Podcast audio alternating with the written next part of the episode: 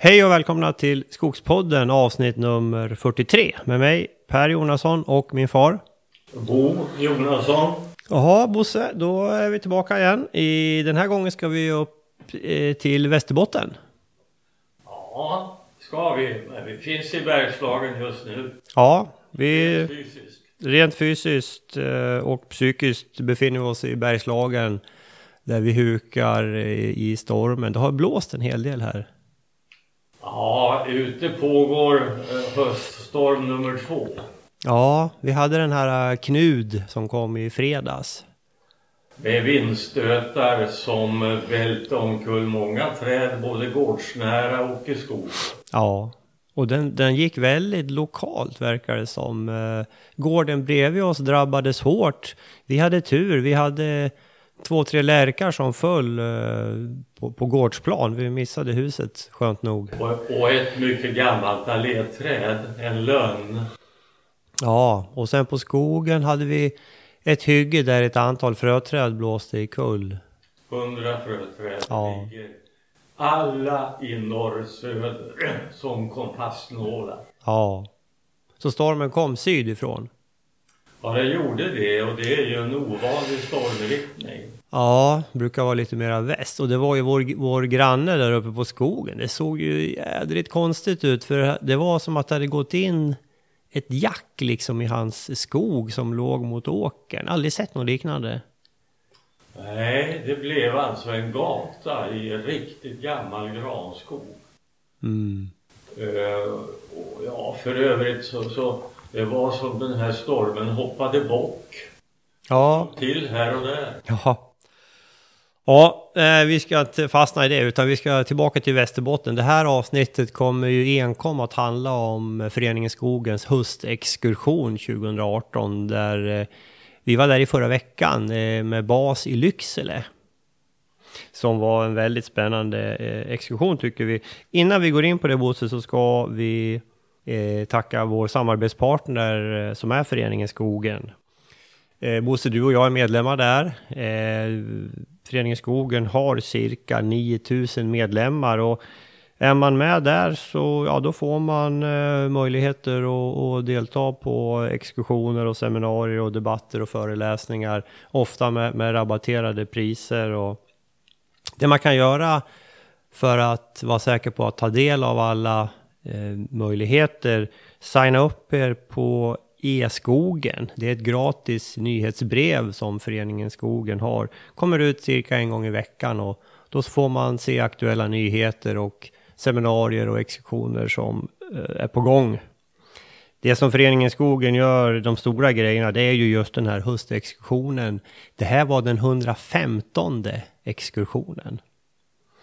Eh, och där, man lyckas ju verkligen samla beslutsfattare, generaldirektörer och skogsprofessorer och skogsbrukare och ja, väldigt Jägarintresse. jägare också. Ja, bra, bra samling. Eh, höstexkursionen anordnar de och även Skogens dag i riksdagen. Det här är ju på våren. Brukar vara i samband med eh, Bioekonomiskt forum där i, i mitten på april brukar det vara. Ja, men kika på det här om det kan vara något för er. Gå in på skogen.se och läs mer om eh, Föreningen Skogen. Medlemsavgiften. Eh, den betalade jag nyss, så det borde jag komma ihåg. Jag har för mig att det är 350 kronor per år. Ja, det är på den nivån ja. Ja, Ja, det var en, en skogsentreprenör med motorsåg kostade i timmen. ja, stämmer bra det. Just det. Nej, men sen ska vi även tacka vår eh, sponsor Husqvarna också. Husqvarna är ju den ledande tillverkaren av utomhusprodukter för eh, skogsbruk. Bosse, du och jag är ju väldigt förtjusta i deras batteriprodukter. Använder dem flitigt. Eh, igår var vi faktiskt på en, ett eh, event där som Skogsstyrelsen anordnade i närheten här eh, utanför Nora som handlar om eh, röjning och variationsrikt skogsbruk. Och där... Eh, Varierat skogsbruk. varierat skogsbruk heter det, precis. Eh, och där, jag tog med mig en, en batteriröjsåg bara för att visa på den och det, den eh, rönte ganska stort intresse. För det är inte så, alla känner inte till de här batteriröjsågarna. Nej, det här är en fantastisk produkt som, som för oss har den ju underlättat eh, röjningarna betydligt. Eh, helt klart, vi, vi gillar den här. Vi har ju, vi har ju varsin när vi röjer, så, så mycket tycker vi om dem. Men ibland så behöver man ju lite kraftfullare doningar. Eh, och glöm inte bort att Husqvarna har ju både bensindrivna röjsågar och framförallt ett stort program med motorsågar som är eh, allt från eh, trädgårdsskötsel upp till de professionella användarna. Just nu har Husqvarna en kampanj på den här motorsågen 550 XP. Eh, det är en eh, proffssåg som allround funkar till det mesta. Jag har kört den en del. På, jag, jag har en, en, eh, kompis som har den på den här motorsågskörkortskursen motorsågs eh, körkortskursen som jag går. Jag har provkört den, jag gillar den skarpt. Den har både kraft och är eh, smidig. Köper man en 550 XP nu, då får man alltså skyddsutrustning värd 3000 kronor på köpet. Det här är en kampanj som pågår från 15 september och året ut. Kika på det om det kan vara något för er. Gå in på huskvarna.se eh, eller ännu hellre besök en återförsäljare och eh, titta på den här eh, 550 XP och eh, Husqvarna har ju mycket bra eh, skyddsutrustning också som ni får då för ett värde av 3000 kronor om ni köper den här. Bra, Bosse, nu hoppar vi in på höstsektionen. Till Norr och Västerbotten. Precis, vi hade ju basen i Lycksele och vi åkte då dag ett upp till Malå. Och eh, temat på den här exkursionen det var ju just eh, alltså eh, Joel eh, Wretlind och eh, ja, man brukar kalla honom för trakthyggesbrukets fader. Mm. En, en intressant eh, skogshistorisk gestalt, denne Joel. Ja. Revirförvaltare på Domänverket, alltså dåvarande, det, det som nu heter Sveaskog. Eh, för, han eh, var verksam där från 1920 ungefär fram emot 1950. Och han gick eh, sin egen väg. Skapade ungskogar på ett sätt som ingen annan gjorde. Mm. På de eh, i huvudsak eh, granbevuxna råhumusmarkerna så brände han. Han brände, hyggesbränningens fader. Och på tallhedarna så föryngrade, självföryngrade han eller sådde på ett sätt som man inte hade gjort tidigare för att det allmänna skogsbruket på den tiden det var ju det här med plockhuggning. Plockhuggningen provades eh, grundligt eh, under lång tid. Eh, det var det allmänna sättet att skörda mm. skog. Och man trodde att det skulle komma upp ny skog efter det. Det var den tidens kontinuitetsskogsbruk. Och det misslyckades gravt. Det var ett komplett misslyckande. Mm. Det man skapade var det man sen kom att kalla gröna lögner. Ja. Men där Bosse, jag har ju förstått att det här med trakthyggesbruket i, i södra Sverige så bedrev man redan det. Ja, det, åtminstone när det gäller bruksskogarna i Bergslagen så, mm. så brukar man det. Ja, ja just det. Det mera fragmenterade skogsbruket blev i Småland jag vet egentligen inte hur man gjorde men jag tror man plockhögg mycket stort. Ja, ja. ja, ja, ja. Ja, och du, du var ju med Bosse på en exkursion där du fick träffa då Joel Wretlind. Ja, under studieåren. Eh, 1956 så, be, be, så besökte vi Wretlind och han fick själv prata om det här mm. som han hade gjort och åstadkommit. Han var då pensionär, nybliven pensionär faktiskt. Ja. Ja. Och jag, nu kommer vi tillbaka till samma bestånd igen. Ja. Inte för att jag kommer ihåg precis platsen, men vi vet ju det. Att så var det. Ja. Ja, men det är ju fascinerande. Och vi, när vi, vi gick ju ut och tittade på det här beståndet och eh, vi fick höra lite om historien och så vidare. Och sen, eh, sen passade vi på Bos att intervjua Erik eh, Walinger som, som kan det här mycket bra. Han är alltså professor emeritus på institutionen för skogens ekologi och skötsel på SLU. Emeritus den 1 augusti i år. Ja, ny, nybliven emeritus då, får man säga. Ja, eh, men vi kan väl lyssna på vad Erik har att säga om det här. Han eh, kommer här. Jaha, Erik eh, Walinger, eh, välkommen till Skogspodden. Tack så mycket. Vi befinner oss alltså på höstexkursionen eh, på Malå och eh, kan, du kan väl börja med att, presentera, att du presenterar dig själv och din bakgrund. Ja, jag är jägmästare. Gick ut Skogis 83. Sen eh, har man ju jobbat inom forskningen och det, om man ska vara inom SLU så har ju det varit ett krav. Disputerade 1990. Docent 95, professor 99. Och, eh, så att, så jag har varit på SLU sedan 1983. Då. Jobbat med forskning och med undervisning. Och nu är du professor emeritus då. eh, Och du har alltså det för institutionen för skogens ekologi och skötsel. Ja, det stämmer. Berättade... Ganska färskt. Det är en en månad, en dryg månad sedan som jag gick i pension. Just det, Mm. just det. Och eh, det här, du har ju i, i morse här så spelade du Joel Wretling när vi hade första punkten. Wretlind. Wretlind, förlåt. Eh, på eh, första punkten här på höstexkursionen. Kan du berätta lite grann om, om eh, berätta lite grann om det här? Ja, hela den här exkursionen handlar ju om att vi ska gå i Wretlinds fotspår. Och eh, tanken var ju att vi först då, det som jag gjorde, presenterade lite grann kring hans idéer. Varför han är, är aktuell än idag. När han jobbade här på Malå revir 1920 till 1952. Så att det är ju bra länge sedan. Och eh, spåren efter honom, det ser vi fortfarande och nu har vi liksom öppnat upp för en diskussion av hur det här upplevs idag. Och det är ju tanken då att eh, vi ska kunna utvärdera tankarna som var på den tiden och hur man utifrån dagens kunskapsnivå ser på det som han gjorde. Just det. För, för de som inte känner till hans metoder som han jobbade och, och förde in, kan du lite kort beskriva dem? Ja, det, är inte, det, det som han är mest känd för det är ju att han jobbade med elden som föryngringshjälp. För han hade sett på privata markägare som drabbades av eldsvåda att de fick väldigt fina föryngringar.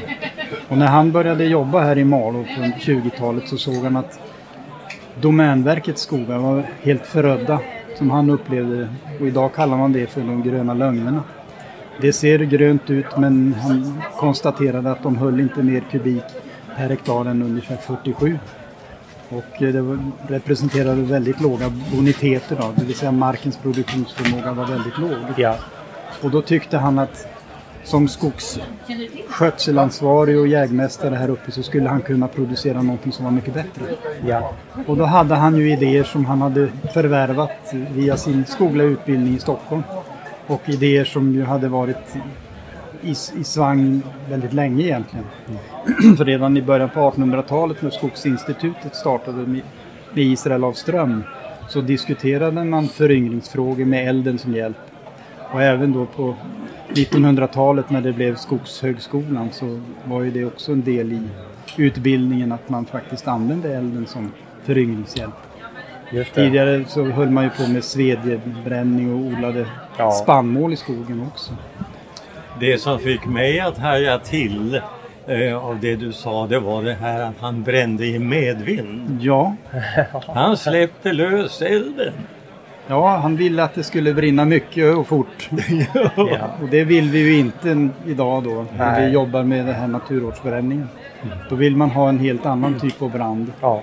Men det, de marker som han brände främst, det var ju såna så kallade råhumusmarker. Ja. Alltså marker med tjocka humustäcken. Ja. Där det inte fanns möjlighet för ett frö att gro överhuvudtaget. Naturvårdsbränningarna gör man ju ofta på andra, annan typ av mark. Ja. Så att det, det är ju lite olika idéer. Men, men sen själva idén var ju liksom att, att få det här trakthyggesbruket. Ja, Eh, det hade ju, hade ju varit på tapeten länge. Det, det får man inte glömma bort. Att Nej. trakthyggesbruket, det introducerade vi från Tyskland. Med de här gamla jägmästarna som kom och jobbade på bruken i södra Sverige.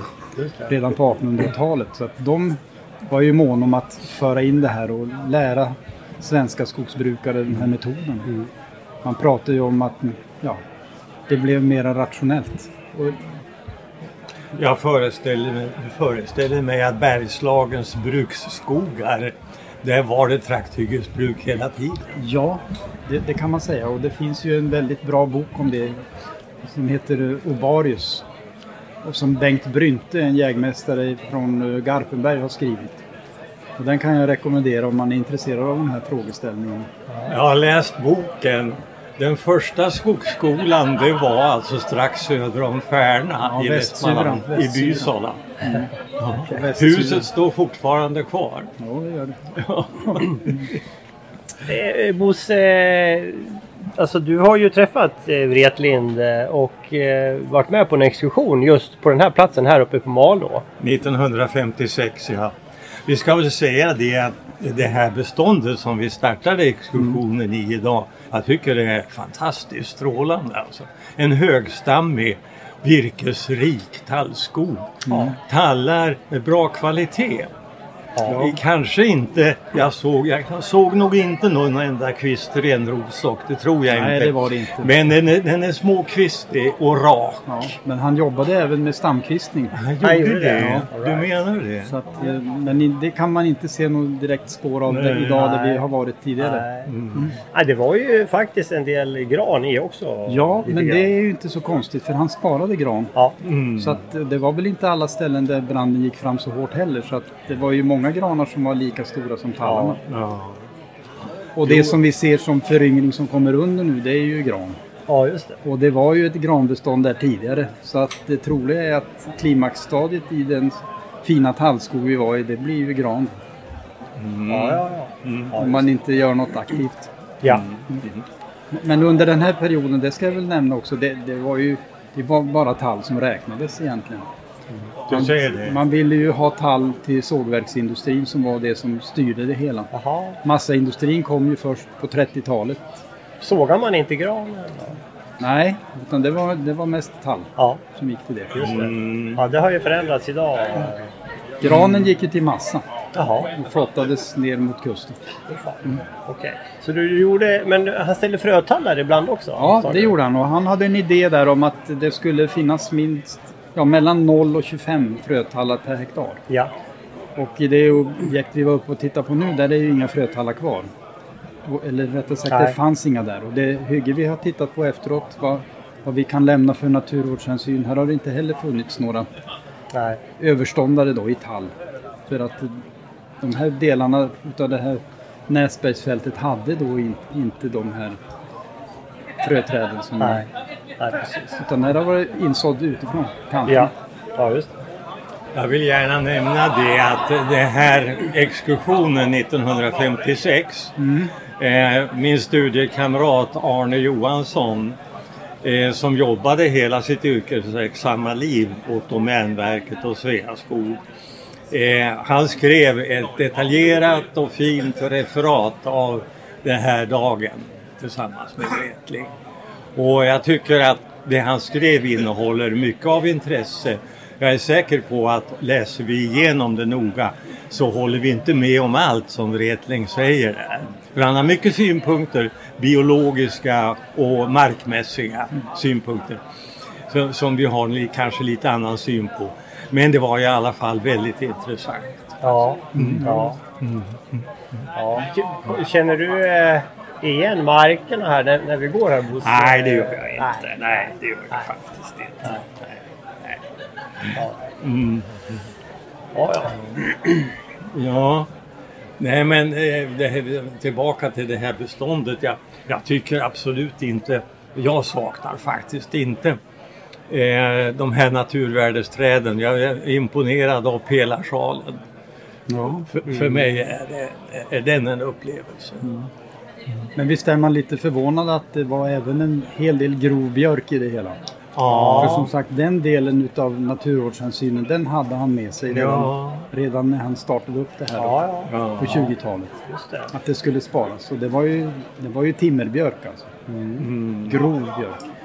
Som Jag har ett klart minne av den där exkursionsdagen att vi samlades, vi mötte honom hemma på villatomten i Malå.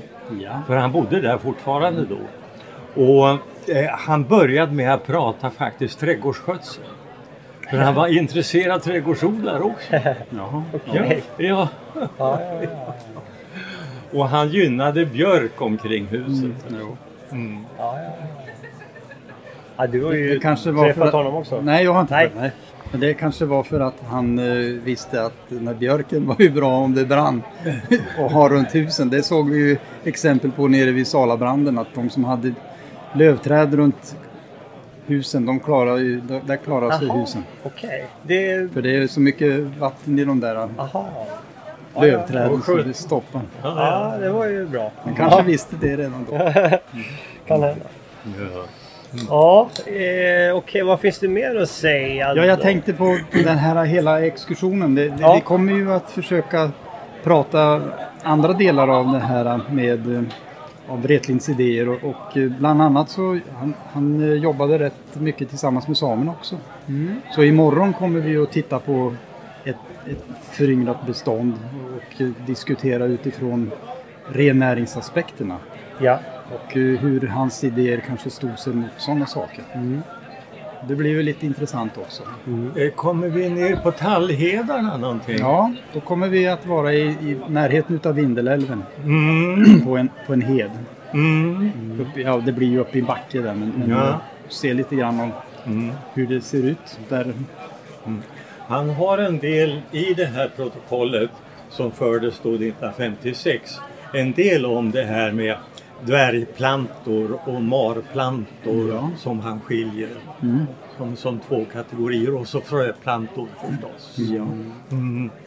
Men han, han pratade den här dagen mycket om, om dvär, dvärgplantorna Ja. på hela. ja, och de lät han ju vara. Mm. För att de trodde han ju, eller de ansåg han ju att eh, snöskyttet tog i alla fall. Ja. Mm. För, för att eh, då menar han ju att han hade hjälp av svampen att minska antalet plantor till vuxen Just det. ålder. Just det. Du nämnde ju hur många, hur många han strävade efter per Ja, hektar. han vill ju ha ganska täta föryngringar Ja. så att han jobbade med, med mellan en och en halv och 1,7 meter mellan, mellan plantorna. Här står det alltså att man skulle röja vid 1,5 meters höjd Ja. till 1,7 meters förband. Ja, Ja, och då blir det ju ungefär 3200 till, till 4400 ja. plantor per ja, just hektar. Det. Mm. Det är ganska mycket. För, Det är mycket idag. Man hade inte så mycket älgbetningsproblematik eller? Vi, vi kommer att se det imorgon men eh, jag kan ju föregripa det. Och, och det fanns ju då, när, eh, han var igång så var det dels var det varma somrar på både 20, 30 och 40-talet när han satsade på den här föryngringstypen. Dess, dessutom så fanns det ju nästan ingen älg. Nej. Så det var ju inget problem. Nej. Innan 20-talet så sköt man totalt sett ungefär 100 älgar i Västerbotten. Och i dagens läge är vi väl uppe i 14 000. Ja, just det. Så att vi har ju helt andra förutsättningar Ja. att lyckas med den här typen av skötsel. idag. Nu måste du ju ha kanske 8-10 000 per hektar för att kunna ha en chans mot, mot älgen. Ja, Påstår en del. Vi bland annat. Eh, det, var ett, det var ett diagram som, eh, det var väl om det var Thomas Lundmark som visade det, som var ganska intressant. Där man såg alltså virkesvolymens utveckling Virkes- över ja, tid. Virkesförrådet, ja, virkesförrådet.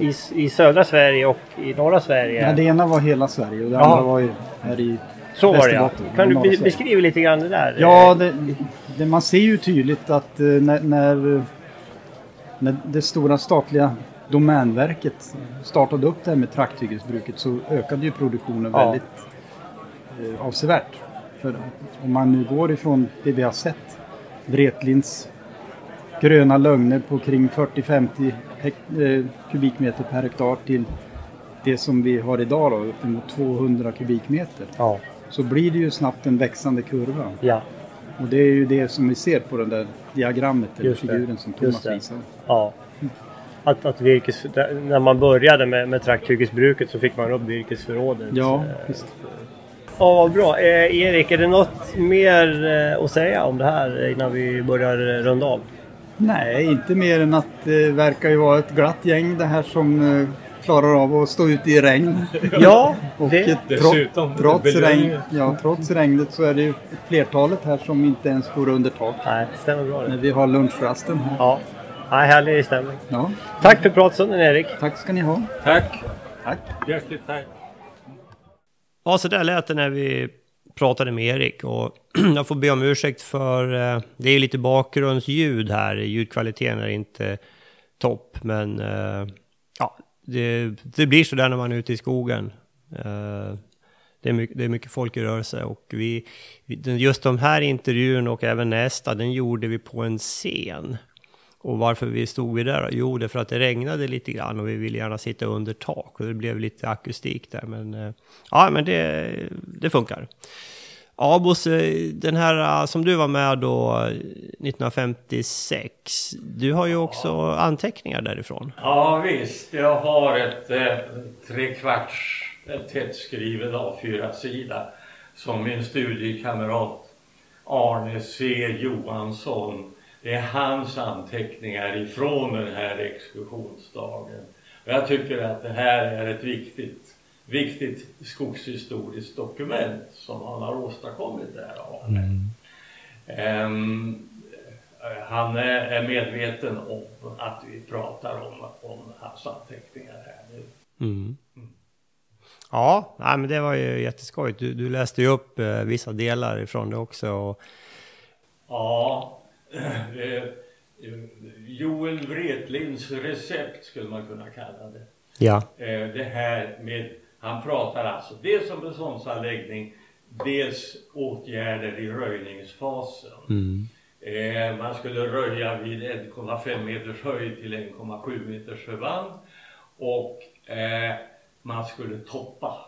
Man skulle toppa ner de förväxande tallarna så att man fick ett jämnt krontak. Ja. Detta Precis. att skapa kvalitet. Ja. Ja, men det, det här dokumentet Bosse, eh, du och Arne, ni, ni kanske ska prata med Björn där på eh, Skogsmuseet i Lycksele. Bra idé. Ja. Vi, vi, det nämnde vi ju inte. Vi, första kvällen var vi ju på Skogsmuseet i Lycksele och det, det var väldigt trevligt. Eh, fantastiskt fint museum som vi varmt kan rekommendera om ni är i, i faggorna. Det är värt ett besök. Ja, så där lät det med Erik. Vi, vi har ett antal intervjuer i den här podden, så det, här, det kommer bli ett mastodontavsnitt. Så ni, ni får dela upp det på två om ni tycker det blir för mycket. För vi har många intressanta personer att lyssna på.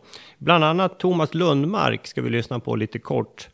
Thomas Lundmark, han är alltså professor eh, på institutionen för skogens ekologi och skötsel på SLU. Han hade en del klimatreflektioner Eh, under exkursionen och det vi kommer att lyssna på här det är eh, när han beskriver alltså kolinlagringen i en eh, skog då där man bedriver trakthyggesbruk kontra kolinlagringen i en skog där man bedriver ett, ett kontinuitetsskogsbruk då.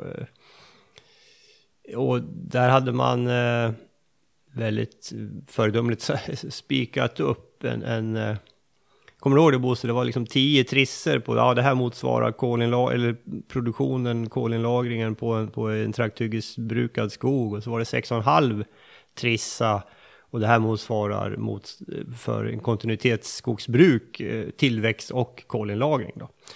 Eh, Thomas får förklara det här själv, så här säger han. skog och göra förråd av den eller att bruka skog för att använda istället för. Och det här är ju en, en, en svår diskussion och det, man kom till lite olika resultat beroende på var man befinner sig i världen och vilka som förutsättningar eh, som man har på den plats där man diskuterar. Men det man, det man kan konstatera när det gäller brukade system, de som, de, som vi har i, i de nordiska länderna i första hand, så är det ju det som primärt avgör hur mycket klimatnytta en, ett, en skog eller ett skogsområde kan göra är trots allt eh, det årliga nettoupptaget utav koldioxid och vilket normalt sett är en bra proxy på det, det är skogens tillväxt. Så att ju, ju mer skogen växer desto större förutsättningar finns det för att åstadkomma klimatnytta. Sen kan man välja att använda den här tillväxten på olika sätt. Man kan låta det bli lager, lagrat kol i ett skogsbestånd eller man kan skörda det här för eh, substitution för att skapa kollager någon annanstans i en träbro eller ett parkeringshus i Skellefteå eller någonting sånt där. Men, men jag tror att det, ibland glömmer man bort det att det, den, det som sätter, liksom bestämmer, sätter ribban för hur stor klimatnyttan kan bli, det är trots allt skogens tillväxt. Eh, och då har ju ett sånt här arbete, ja det ser man här. Då kan man ju också säga att det här, det här, är, ju, det här är ju samma sak då som klimatnytta. Att det system som Wretlind var med och forma som ger en högre tillväxt över landskapet. Det ger också en högre klimatnytta. Det får man gilla det eller inte gilla det. Men eh, om man ska bygga kollager i skogen så det förstår ni ju själva att om jag får så här mycket varje år och lägga in i vedbon eller i lagret så, så blir det mer än om jag har det där. Och eh, ska jag göra substitution och ersätta kalsonger och flygplansbränsle då har jag mer och använda om jag har den här stapeln än den där stapeln. Det är liksom inte svårare än så. Ja, det var helt kort eh, Thomas Lundmark där. Ja, det kan vara värt att tänka på. Ja, eh, Bosse, vi fick ju sen, sen eh, efter det första avsnittet så, så var det en del eh, så fick vi se lite granna om eh, det här med naturhänsyn kom ju upp på diskussion. För det var väl kanske någonting som, som Joel Wretlind inte satte allra främst. Där, där har vi ju lärt oss en hel del under åren. Och eh, vi fick också en pratstund med Malin Salin från Naturskyddsföreningen som, som var med på exkursionen. Och vi diskuterade lite grann just eh, de här eh, naturhänsyn och jag tycker Malin säger eh, många kloka saker. Vi, vi kan väl lyssna på henne. Eh, Malin Salin, eh, välkommen till Skogspodden. Tack så mycket. Eh, vi kan väl börja med att du bara lite kort presenterar dig, vem du är och din bakgrund. Mm, jag heter Malin Salin och jag jobbar med skogsfrågor för Naturskyddsföreningen eh, och är i botten biolog. Ja. Och eh, nu är vi på eh, Föreningen Skogens höstexkursion där vi har precis sett vi är i Malå och tittar på, på trakthyggesbrukets vagga brukar man ju kalla det här eh, med Wretlinds metoder och sådär. Det blev lite diskussion här också om den brist på naturhänsyn som det, som det kanske var då på 40-50-talet när man började det här. Vad, vad, vad, vad, vad ser du för, eh, vad har du för kommentarer på det Nej, men brist på naturhänsyn det har ju säkert många faktorer att det blir så. En av dem är ju kunskap. Eh, jag menar, det har ju tillkommit väldigt mycket mer kunskap kring eh, skogsekologi och, och så sedan dess. Och det tillkommer fortfarande ännu mer kunskap så att uh, ingen kan ju säga att vi vet allt och det har vi ju aldrig vetat oavsett vad det rör för verksamhet. Uh, och där är det viktigt att man tar till sig den kunskapen också och liksom praktiserar den i praktiken eller använder den i praktiken. Ja. Eh, det, som, det som är intressant är ju nu, som jag ser det, det är ju vad som kommer att hända här framöver. Det var väl lite grann det jag ville få fram också. Just det här med den hänsynen som man tar. För att vi har ju, det är så stor del av skogslandskapet som, som består av, eh, och särskilt här i norra Sverige, som består av väldigt homogena skogar sedan trakthyggesbruket for igenom landet som det har gjort. Då. Eh, och vad ska vi göra för att upprätthålla eller för att få tillbaka naturvärden ska man kanske säga i de skogarna eh, här framöver. Jag tror det är otroligt viktigt att man måste veta varför man gör saker. Ja. Eh, man måste ju göra det på ett smart sätt så att, så att man gör det effektivt, att det fungerar i verksamheten och att man får ett bra resultat av det. Mm. Eh, och när det gäller den fråga som jag jobbar väldigt mycket med, vilket är biologisk mångfald och, och artbevarande i skogen, så är ju otroligt viktigt att, att eh, ja, till att börja med att, vi inte, att inte de livsmiljöer som finns för vissa känsliga hotade arter försvinner mm. idag, för att de är ganska trängda. Eh, och vi ska ju bevara biologisk mångfald i hela Sverige. Så att vi kan ju inte liksom förlita oss på att nordvästra Sverige ska ta hand om den biologiska mångfalden. Och så, utan det, det här handlar om ett stort landskapsperspektiv som Ja. vi måste ha. Eh, så att det ena är ju liksom att de, de naturvårdsvärdefulla skogar som finns kvar, att, att de inte avverkas på ett sätt som då försvårar för arterna.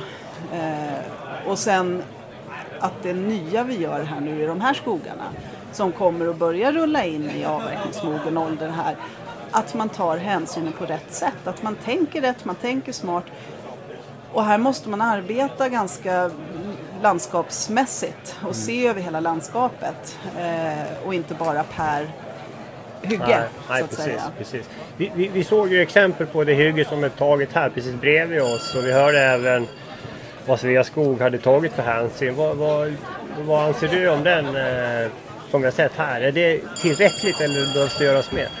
Nej, men jag kan väl tycka, alltså, om det är tillräckligt är ju väldigt svårt att säga. Det är ju, frågan är ju vad är tanken att man ska göra och åstadkomma med, med den hänsynen Ja. som man har tagit. Ja. Vad, vad är tanken? Och det fick jag inte riktigt något svar Nej, på. nej. Eh, men, men sen är det ju också, det är väl lite beklämmande också när, när jag hör då att ja, men här har vi tagit mindre hänsyn så att vi ska ta, kan ta lite mer hänsyn i ett område då som har väldigt höga naturvärden. Ja.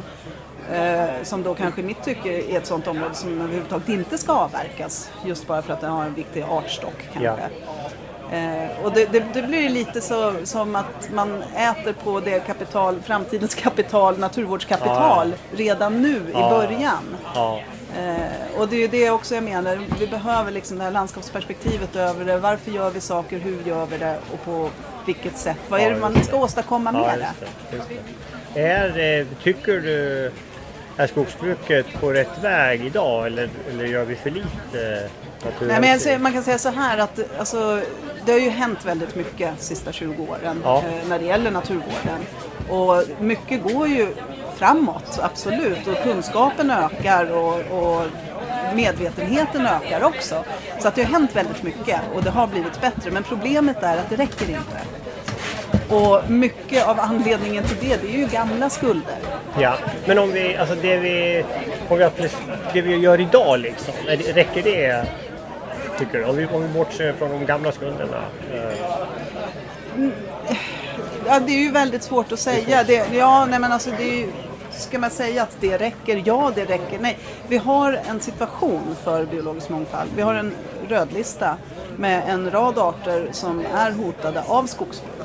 Inte Ja. att alla rödlistade arter är hotade av specifikt skogsbruk, men Ja. just avverkning och igenväxning, skogsbrukets metoder.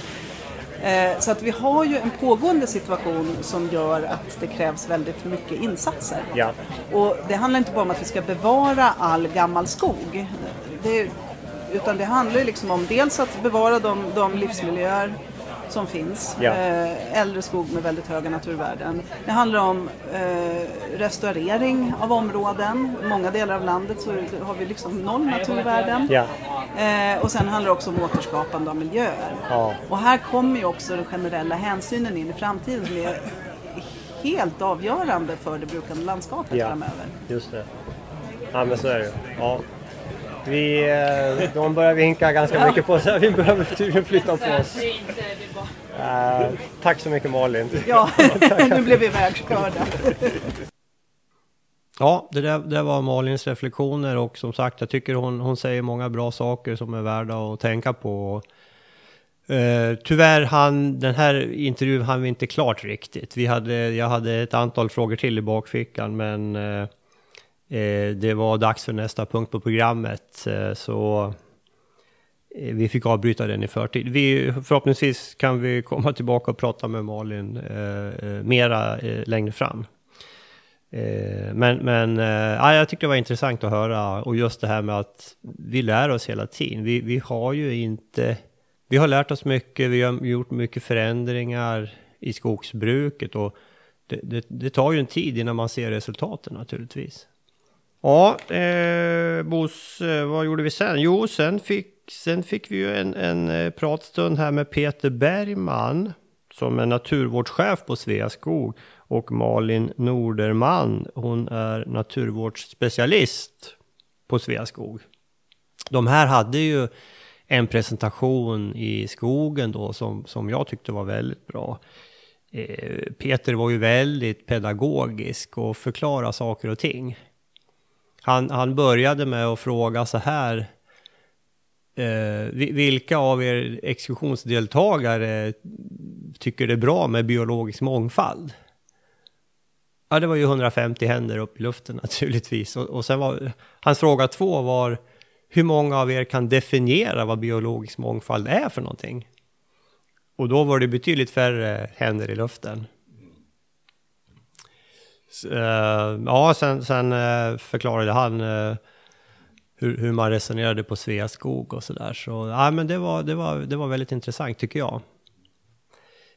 vi, kan, vi, vi lyssnar på intervjun helt enkelt. Den kommer här. Välkomna till Skogspodden Peter Bergman, naturvårdschef på Sveaskog och Malin Norderman som är naturvårdsspecialist på Diktorföretag. Vi kan väl börja med, som Bosse sa, lite grann om er bakgrund. Ja, min bakgrund eh, det är från början som eh, landskapsekolog. Så jag hör till de här sko nu skogliga personerna som inte eh, har en skoglig bakgrund från början. Mm. Jag har varit på Sveaskog i två år nu och jobbat. Mycket med GIS men också mycket med naturvårdsfrågor nu när jag är naturvårdsspecialist. Ja. Och eh, inte, inte heller jag har någon eh, skoglig utbildning. Utan är ekolog från Göteborg. Och har jobbat eh, efter jag gjorde klart mina studier på Skogsvårdsstyrelsen som det då hette i Västra Götaland. Mm. Innan jag 2003 började jobba med, på Sveaskog. Och jag har sedan dess jobbat eh, centralt med naturvårdsfrågor. Ja. Idag, idag så, vi har ju sett här eh, trakthyggesbruket, vi har varit uppe i Malå och tittat och sen har vi även tittat på ett par hyggen där, man, där ni visade på den naturhänsyn som Sveaskog har idag. Kan, kan, ni berätta lite grann hur ni jobbar på, på Sveaskog med naturhänsyn vid till exempel vid, vid, vid hyggen? Ja, vi, precis. Vi var ju på ett hygge och tittade. Um, vi har ju ett mål på Sveaskog att vi ska lämna i snitt 9% av den ytan som vi brukar. Uh, på den ytan som vi var på idag ligger vi på 8 um, ehm, och tittar man på regionen i stort, där vi är nu, så ligger vi ju oftast högre än så, runt 13 procent. Vilket ju till stor del beror på att vi är inne i äldre skogar. Så vi behöver lämna mer helt enkelt. Ehm, men vårt mål är också på en omloppstid så tanken är att det här jämnar ut sig över tid. Och då är det alltså när du säger 13 procent, det är liksom när ni tar ett hygge att det ska vara att ni ställer så mycket kvar i, i kantzoner och, och orörda ytor? Och... Ja, precis av arealen så att säga. Det är procent av arealen. Ja. Mm. 9 procent i snitt är ju vårt mål.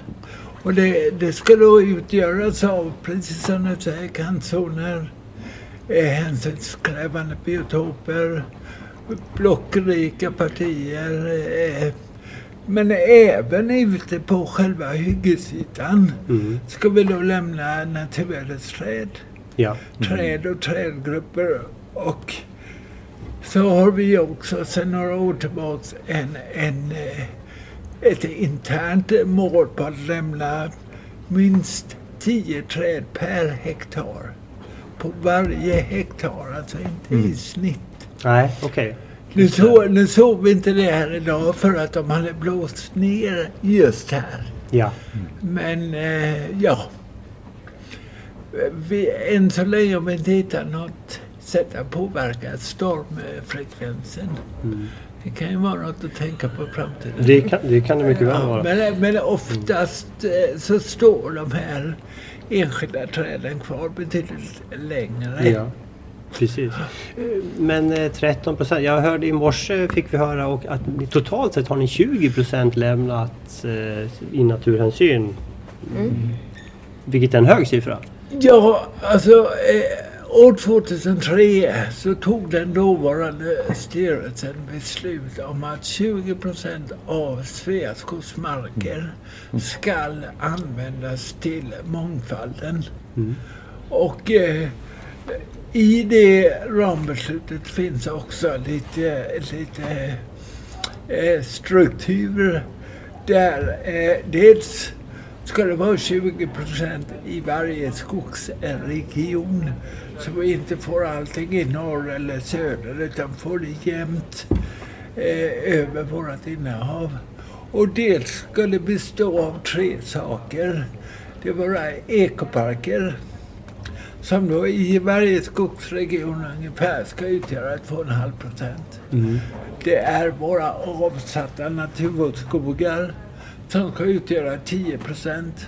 Och den resterande 7,5 procenten är då areal som avsätts i samband med bru- brukande. Okej. Så det, det är den strukturen vi, Mm. vi valde att följa. Helt enkelt för att jobba med jättestora landskap. Ganska få ekoparker, 37. Relativt många ganska stora naturvårdsskogar och väldigt många men väldigt små hänsynsytor.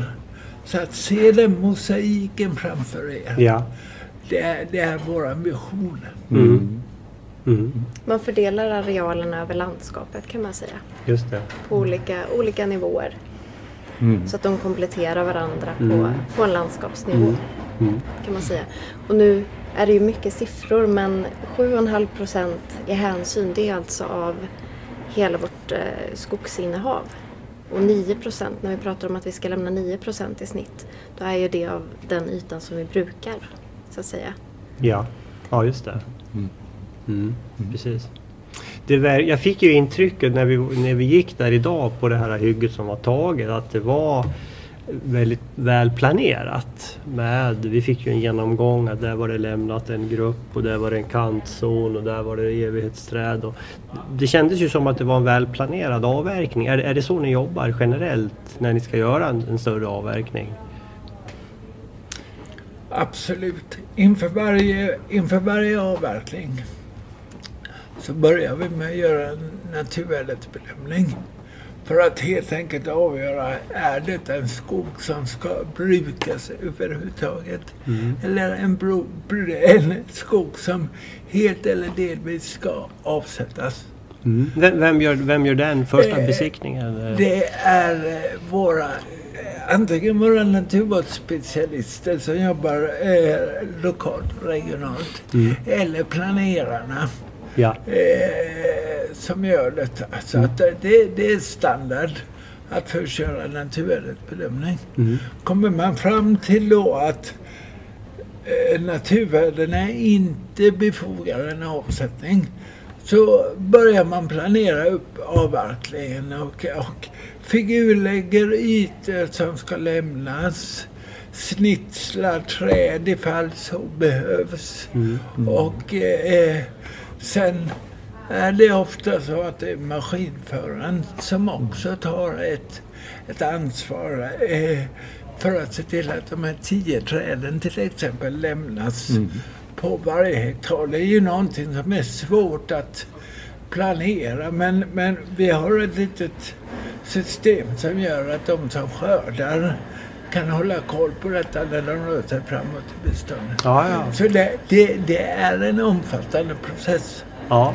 Maskinförarna har alltså det här på sin datorskärm i maskinen. Ja, vet var eh, hänsynsytorna finns och, och eh, är det speciella jättefina aspar eller gamla tallar så kan vi hjälpa till och, och eh, eh, banda dem också. Ja. För ofta är det ju vintertid, det är mörkt och Ja. alltså, ja Mm. precis. Just det. Så att eh, det, det är en... Eh, ofta är det ju så att vi planerar upp en avverkning kanske både ett och två år innan vi väl kommer dit. Ja, just det. Fun- Funkar det bra det här systemet tycker ni? Eh, Gör ni uppföljningar och ser liksom, nådde vi bra naturhänsyn på det här hygget? Jo men det, det gör vi. Vi, har, ehm, vi gör en hänsynsuppföljning. Sedan 2013 har vi gjort den. Ehm, och det vi gör då det är att vi slumpar ut 300 hyggen som avverkats året innan. Och sen anlitar vi tjänstemän från Skogsstyrelsen som får åka ut till de här hyggena eh, och inventera dem. Eh, och då digitaliserar de allt det de ser att vi har lämnat. På så sätt kan vi också jämföra mot våra register, vad vi har sagt att vi har lämnat. Ehm, och så bedömer de om vi har gjort det här eh, på ett bra sätt. Eller om vi skulle lämnat mindre. Eller om vi skulle lämnat mer. De tittar på om det finns några körskador. De tittar på överfarter över vatten. Eh, så det, det är väldigt mycket data som vi får från de här inventeringarna som vi kan använda för att utvärdera oss själva.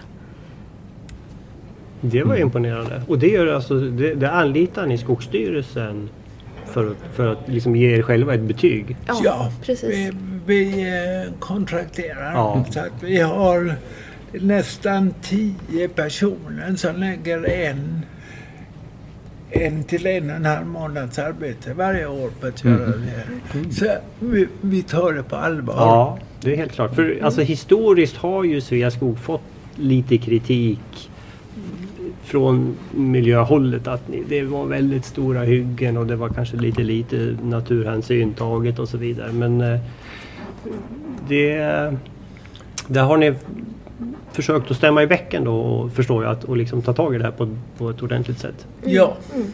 Och då- Beträffande hyggesstorlek, eh, har ni några bestämmelser där? Vi har inte några bestämmelser. Men, men vi vet, alltså vi, vi jobbar ju med det på ett aktivt sätt för att inte skapa sådana här stora, eh, gigantiska ytor. Så att eh, eh, jag borde veta det. Snitt, jag tror här uppe i norr snittar vi på kanske 10 hektar. Mm. Eh, och nere i söder så är det kanske 2-3 hektar. Ja. Eh, så att, eh, men det, det är ju så att vi inte tar upp, vi vill inte ta upp hyggen kant till kant. Och vi, vi, Nej. nej. Sen kan man också nämna det att de här tio träden vi ska lämna per hektar. Tanken med dem var ju också att de lämnar vi för att minska hyggesintrycket. ja. Så det är själva syftet med dem att vi ska... Men det ingår väl i certifieringen alltså? PFC är ju 10 träd per hektar. Ja, FSC och PFC säger att du ska lämna 10 träd i snitt Okej, okej. per hektar. Så att om jag har en fem hektars avverkning och lämnar en hänsynsyta med 50 träd så är det okej Okej. enligt eh, Aha. Men inte enligt våra... Ni går per hektar. Jag Exakt. förstår, jag förstår. Den här uppföljningen som Skogsstyrelsen gör, alltså hur, hur ligger ni till där då? För där får ni ju jäkligt bra data. Alltså upp, hur, hur stor procent uppfyller ni era interna mål? Då? Faktum är att vi har ju väldigt högt ställda mål. Ja. 99 procent.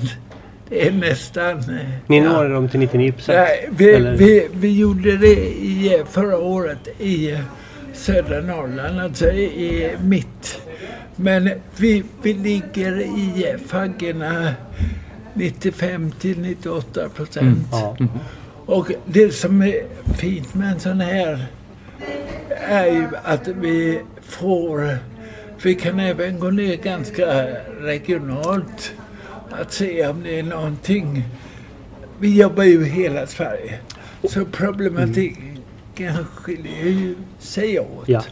Så att vi istället för att få en, en ganska klumpig statistik att hantera så kan vi jobba väldigt regionalt Ja. med den. För ni gör den här uppföljningen över hela landet? Ja. Sedan 2013? ja. Och nu har vi alltså gjort det i sex år. Och sex gånger 300 hyggen, det blir en del. Ja.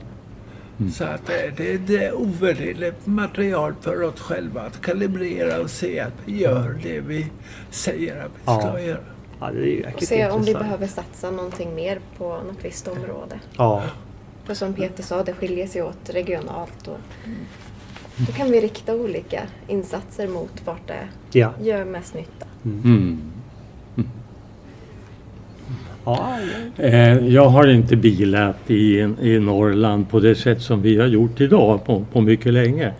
Eh, Men någonting som är ögonfallande och nytt det är de grupper av träd som finns i plantskogar och på hyggen.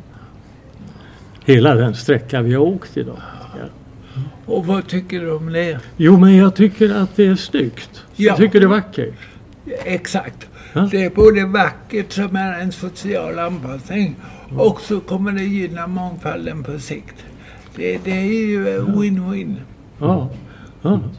Dessutom sprider de lite frö. Dessutom. Ja, exakt. ja. Så att, eh, nej men, eh, eh, det är viktiga frågor det här. Miljöorganisationerna som du sa är eh, kritiska till saker vi gör. Och det, det, eh, ibland har de rätt, ibland så eh, kanske det är mer eh, retorik och politik. Men, Ja. men det, det är en pådrivande kraft. Ja. Och det gäller ju för oss när vi går ut och säger att vi gör bra saker och anstränger oss att kunna visa svart på vitt att det verkligen är så. Ja, ja, ja precis. Ja. Vilka är era framtida största utmaningar inom det här området som ni ser det? Bra fråga. Jag tror att hela branschen står inför ett sätt att där vi måste kunna hantera det här med rödlistade och hotade arter och eh, kunna jobba lite mer eh, konstruktivt med dessa. Det blir så väldigt lätt att vi, att vi slänger oss med ett begrepp. Här finns det 20 rödlistade arter men eh, det är ju helt olika arter som kanske egentligen har olika förutsättningar och kan... För här finns en sak vi måste bli bättre på att ta oss an och hantera. Mm. Det tror jag är en stor utmaning. Jag saknar rönnen i det här landskapet. Ja, Precis. Vi har ju viltfrågan också. Som är en, det, det kommer vara en punkt imorgon på exkursionen. Ja. ja vi har inte sett någon rönn alls idag va? nej. Ja, men, eh, eh, så, eh, vi kan ju bara hålla med att, att eh, det finns en problematik här. Men om vi- ska titta imorgon på ett, på ett, på ett ställe som illustrerar det här väldigt, väldigt tydligt. Att, eh, att det finns en... Jag tror inte vi såg någon sälj eller asp heller idag. Sälj såg vi. Bland, vi bland annat ute på hygget. Det vill Du menar det? Ja. ja. Men det var fullt med annat så det är helt okej. Så att, eh, och, eh, men, nej, men eh, det, detta är ju viktiga, lövet är en viktig kvalitet. Många av de här hotade arterna är ju knutna till löv. Ja. det är en kvalitet vi måste få in. Och det kan vara kul att veta när vi tittar på våra hänsyn i den här inventeringen. Så ser vi ju att våra hänsynsytor är, har en prop- är mer löv än barr. Vilket skulle då på sikt kunna eh, förhoppningsvis rädda upp den här situationen. Jag tycker att rönnorna ger en så tydlig signal. Att växer de inte upp på hyggena då pågår det överbetning. Absolut. Mm. Mm, ja, det blir, det blir intressant att, att höra mer om det imorgon. Eh, Ja, hur man kan lösa det problemet. Jag tror vi får sätta punkt där. Eh, Det här var ju jätteintressant. Eh, Malin och Peter, tack så mycket. Mm. Vi rundar av där, men vi har den här fantastiska utsikten över Umeälven i lite solsken och eh, kraftigt regn. Det är väl en fin inramning. Ja. Tack så mycket. Tusen Tack, tack. tack ska ni ha. Tack. Tack. Ja, vad, har du några reflektioner på det här Bosse? Vad, vad säger du om Sveaskogs eh, naturvård? Ja. Eh, det finns ju ambitioner.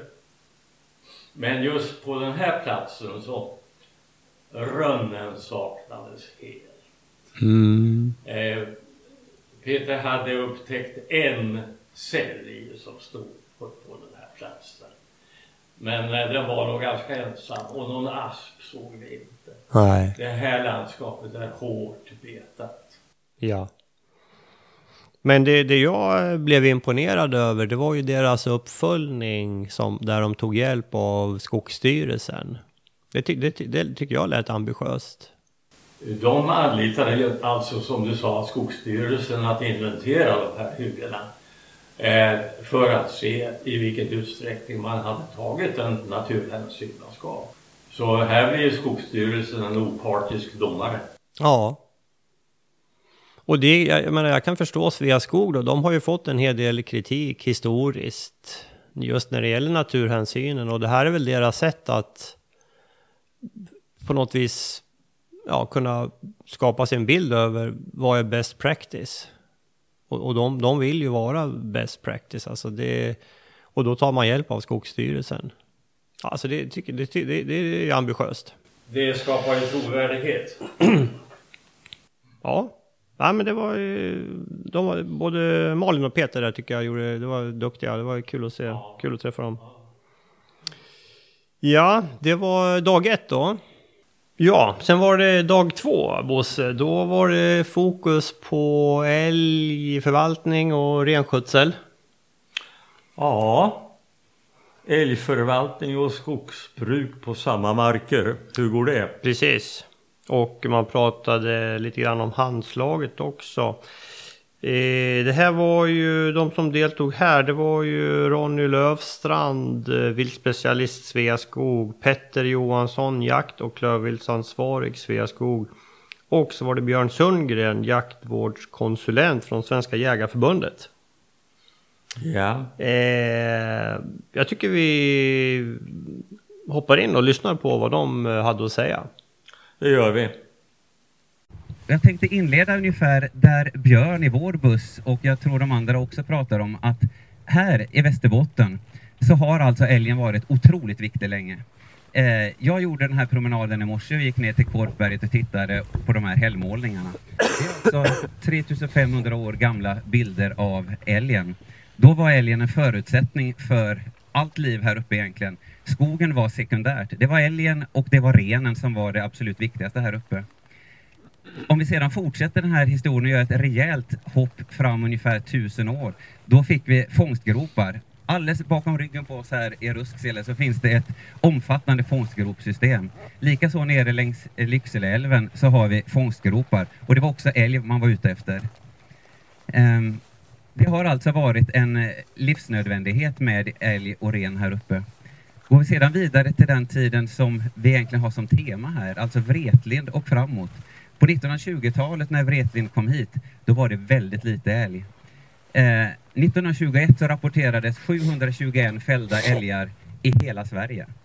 721 stycken fälldes och under hans två första verksamma decennier här så fälldes det kring 50 till 100 älgar årligen i Västerbotten. 50 till 100 per år. Och det betyder alltså att detta ungskogsskötsel som var hans eh, eh, stora intresse, det hade inte älgen som huvudsaklig utmaning.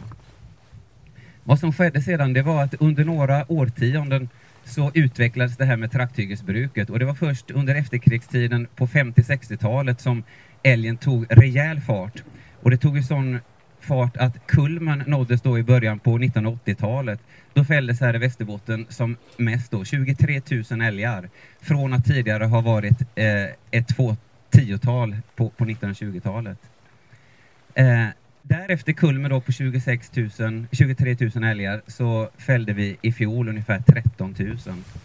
Och det jag tycker vi ska ha med oss alltså, det är lite olika storleksordningar här. Det är att vi under föregående året fällde 200 gånger fler älgar än vad man gjorde under Wretlings tid när de här ungskogarna som han anlade kom upp. Um, en sak som man ofta förbiser när man pratar älg och älgförvaltning och man pratar betesskador, det är att man bara fokuserar på älgen. Det är inte älgen ensamt som dikterar vilken nivå på, på betesskador vi har, utan det är också mängden ungskog, alltså fodersituationen och dess tillgänglighet och sammansättning. Och då är det väldigt intressant att, att titta på och ha med sig den graf som Thomas visade över utvecklingen över virkesförråd, för den hänger också ihop med hur vinterfodrets utveckling för älgen också har haft ungefär samma utveckling.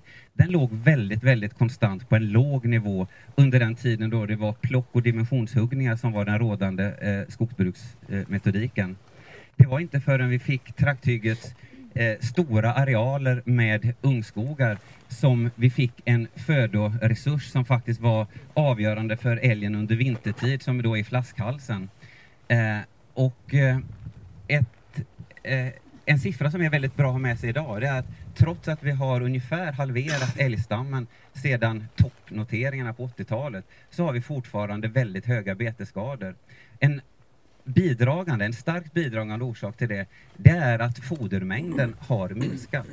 Det är inte allmänt känt att en älg idag har ungefär 40% mindre areal att beta på jämfört med när det var som allra bäst att vara älg, och det var i mitten på 1990-talet. Då hade man som älg mest. Och det är så att den metod som vi idag använder för att kvantifiera alltså mängden betesskador, EBIN, den tillkom faktiskt först kring 2000. 2000 lanserade Skogsstyrelsen tillsammans med SLU den inventering med vilken vi följer hur omfattande betesskadorna är. Eh, dessförinnan så är det mer fragmentariska och väldigt spretiga inventeringar. Men från 2000-talet och framåt så har vi bra information. Och just Västerbotten råkar sitta på det absolut bästa historiska datat vad det gäller just betesskador. Vad vill vi då? Vad vill vi idag med älg och skog? Alltså samförvaltningen av de här två för norra Sverige så oerhört viktiga resurserna. Ja, vi har ett riksdagsbeslut som tillkom efter två utredningar och ledde till ett nytt förvaltningssystem 2012. Det, det, anger ju en, en portalparagraf om att vi ska åstadkomma en älgstam av hög kvalitet som är i balans med betesresursen. Vad, vad innebär då det här balans? För det är det, den term som omdebatteras egentligen allra mest. Den här balansen har vi i skogsbruket försökt att uttolka och formulera som att det är ett tillstånd då vi kan föryngra våra tallståndorter med tall och det faktiskt blir godkända tallföryngringar. Det är när sju av tio tallar i vårt landskap kan växa upp och bli oskadade tallar vid fem meters höjd. Och det är också när de för den biologiska mångfalden väldigt viktiga arterna runn, asp, sälj och även i södra Sverige ek kan bli trädbildande. När ett sådant tillstånd inträder, då anser vi att den här målbilden om balans har inträtt. Idag så är vi ju i ett eh, avundsvärt läge att vi faktiskt har ett faktaunderlag som man inte haft tidigare. Eh, det har som Monica sa diskuterats älgförvaltning otroligt länge och när jag började med de här frågorna för åtta år sedan då fick jag höra det att älgförvaltningen det är någonting man diskuterar och inte löser. Men jag, jag, tror att den där biten den behöver vi faktiskt förändra för det är en balans som vi behöver åstadkomma. Och eh, i det här arbetet så är faktaunderlaget en av de absolut viktigaste delarna och det har tidigare saknat.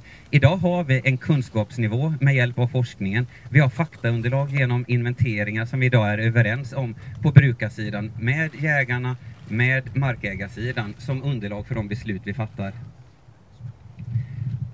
Tillståndet då, utifrån det här målet, var ligger vi? Ja, tyvärr så är det inte en jättebra läge. Vi har inte balans idag, vi är långt därifrån.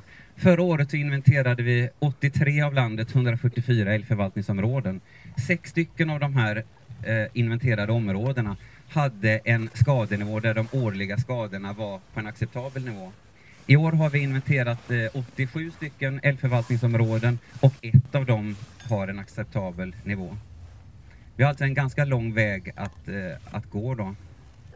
Det är lite grann om historik, att ha med sig liksom att de här två resurserna, älg och betesresursen varierar över tid. Lite grann om var vi står med målformuleringar. Och eh, nu ska vi gå in lite grann på vad, vad, vad, ska vi göra åt det här då? Vi kan inte fortsätta att bara diskutera, vi kan inte fortsätta att klandra den andra parten för att inte ha gjort sin del. Det är ett gemensamt ansvarstagande. Och jag skulle vilja säga det att när älgen kraftigt ökade på 50-talet och därefter, då var det med gemensamma krafter. Det var nämligen så att älgen var utrotningshotad hundra år dessförinnan på 1800-talet. Det var nämligen så att Herman Adam Falk var den som räddade älgen. Men den förde fortfarande en tynande tillvaro under ungefär hundra år. Och det var inte förrän Wretlind gav älgen mat som den faktiskt lyckades öka. Det var därmed markägare, jägare och beslutande myndigheter som såg till att vi lyckades rädda kvar älgen då den var hotad. Och jag tror att det är så enkelt att det är exakt samma tre parter nu idag här som, försöker, som måste åstadkomma en balans här. Därigenom beslutande myndigheter, det är jägare och markägare tillsammans som måste vidta åtgärder. Och eh, något av det vi, vi gör för att anträda den här vägen av åtgärder eh, ska, ska vi prata lite grann här nu. Jag ska nämna några korta saker och sedan kommer jag lämna över ordet till, till Björn. Och eh, vad vi gör, det är bland annat ett antal olika samverkansprojekt. Vi arbetar tillsammans med Mera tallprojektet som bland annat Monica omnämnde igår. Vi har någonting som vi omnämner en avsiktsförklaring eller ett handslag mellan Jägarförbundet och skogsbruket. Tänker inte gå in på detalj utan överlämna det. Och vi har dessutom, som jag tycker är en väldigt viktig del, under det här året genomfört tre regionala konferenser där vi utöver de här bitarna i avsiktsförklaringen också ger lite vägledning hur vi ska ta oss framåt. Hallå! Vaken! Ja, Petter Johansson heter jag, jobbar på Sveaskog, jag är jakt och klövsansvarig här eh, i Västerbotten. Sitter i Umeå. Jag ska dra lite kort om eh, egentligen eh, väldigt övergripande om förvaltningen bara i Västerbotten. Vi har ju fem stycken älgförvaltningsområden här i Västerbotten. De är ju väldigt stora till ytan. I medeltal kan man säga att de är cirka en miljon hektar eh, stora. Eh, där vi står just nu, det ingår i Vindelåns älgskötselområde. Och det är ett älgskötselområde som finns inom mellersta förvaltningsområdet. Eh, mellersta förvaltningsområdet är 1,3 miljoner hektar. Det är alltså från Lycksele eh, Lycksele och Storumans kommuner. Eh, och det är ju alltså från Lycksele ända upp till norska gränsen. Då har man lite perspektiv på ytorna. Eh, vad ska jag säga, inom förvaltningsområdet då, som vi har inom Mellersta. Kan du hålla den jättenära munnen? Den la. Den la. den här istället. Så kanske den där går att fixa.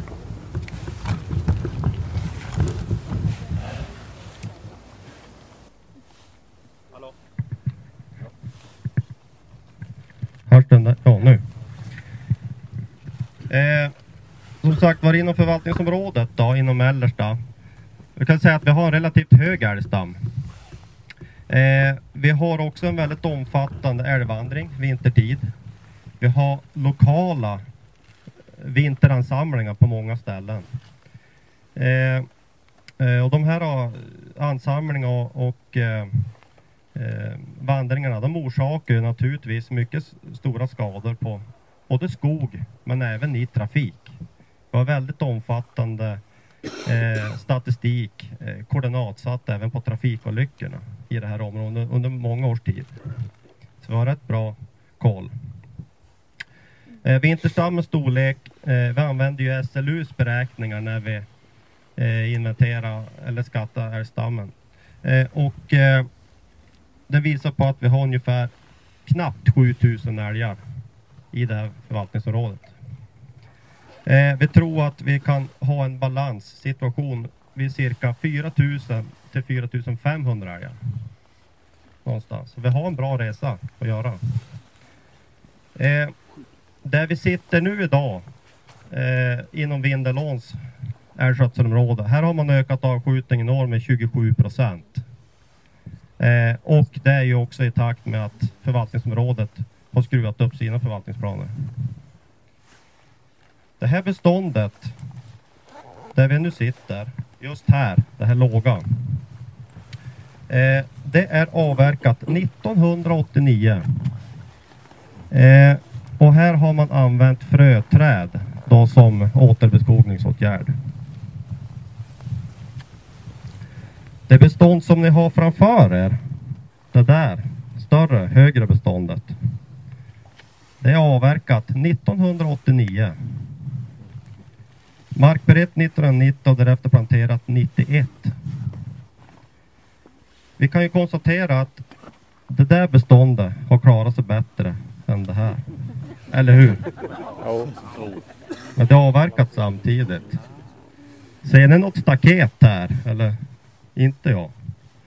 Eh, det är ju en väldigt stor skillnad. Varför exakt det ser ut så här? Ja, jag vet inte. Eh, det här beståndet där vi sitter, det har 95 procent skador. Eh, och det är Skogsstyrelsen som har det här och inventerat. Det är den här skogen vi så småningom ska leverera till industrin. Eh, och jag skulle vilja säga, från de här bestånden klarar vi av att leverera den kvalitet vi ska göra. Eh, Setra beskrev jag också igår lite grann det här med behov av att, att ha rätt kvalitet. Då var ju nu den här presenningen dras ner. Men den åkte ju ner lite grann i förtid. Men eh, nu drar vi ner den. Jo, mycket av det vi ska ta med oss härifrån det är synintryck. Vad är det vi ser? Vad är det vi har skapat? De här stockarna som ni ser här, de är sågade ur det där beståndet. Och eh, eh det här beståndet bakom oss här, det har 46 procent synliga skador. 46 procent som vi ser. Eh, skadorna är ju naturligtvis förstås troligtvis ännu större. Den vanligaste skadan som vi har i beståndet här det är sprötkvist. Men vi har även omfattande skador såsom barknag och krökar. Eh, Ja, och som sagt älgens bete i de här bestånden har ju orsakat allvarliga kvalitetsfel såsom öppna och barkdragande lyre, sprötkvistar och tvärkrökar.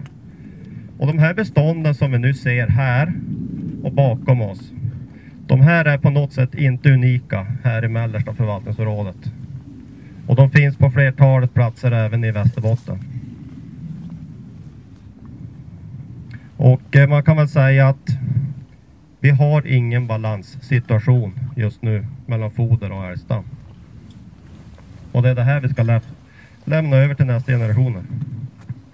Innan vi släpper in Björn så tänkte jag fråga dig Ronny. Eh, om du kunde berätta lite grann om det här, för du nämnde det lite fort, handslaget, vad det innebär för skogsbrukets del. Ska jag ta det direkt eller får jag kommentera den här frågan om skillnaderna?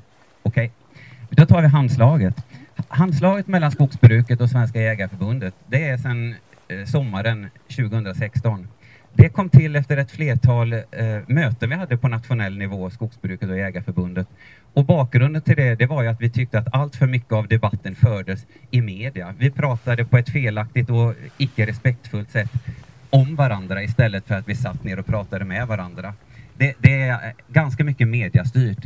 Vi hade också ett antal sakfrågor som ledde fram till detta och det ena var ju den nya förvaltningen där markägarna fick utslagsrösten i förvaltningsgrupperna som var satt under visst ifrågasättande. Sedan var det att det inte rådde en enighet kring vilka inventeringsmetoder som skulle användas och att man ifrågasatte bland annat älgbetesinventeringen. Och vi såg att detta är ju inte framkomligt utan vi behöver vara överens om att stå bakom förvaltningssystemet, inventeringsmetoderna och faktiskt prata med varandra på ett respektfullt sätt. Så det var grunden till att vi satte oss ner och pratade med varandra. Och då min följdfråga till det, vad, innebar, vad har det inneburit för er och hur ni jobbar inom Sveaskog?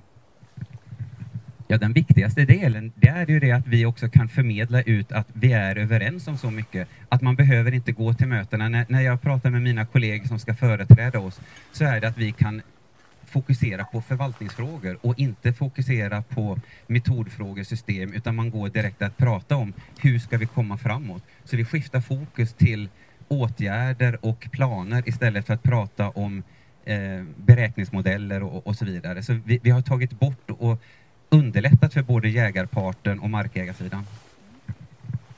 Och det var därför jag tänkte, men vi ska återkomma till orsaken till varför det ser ut som det gör. Annars fastnar vi tror jag i den, den frågan. Så att jag tänkte be Björn att du kommer upp. Björn Sundgren från Jägarförbundet. Står du där i talarstolen?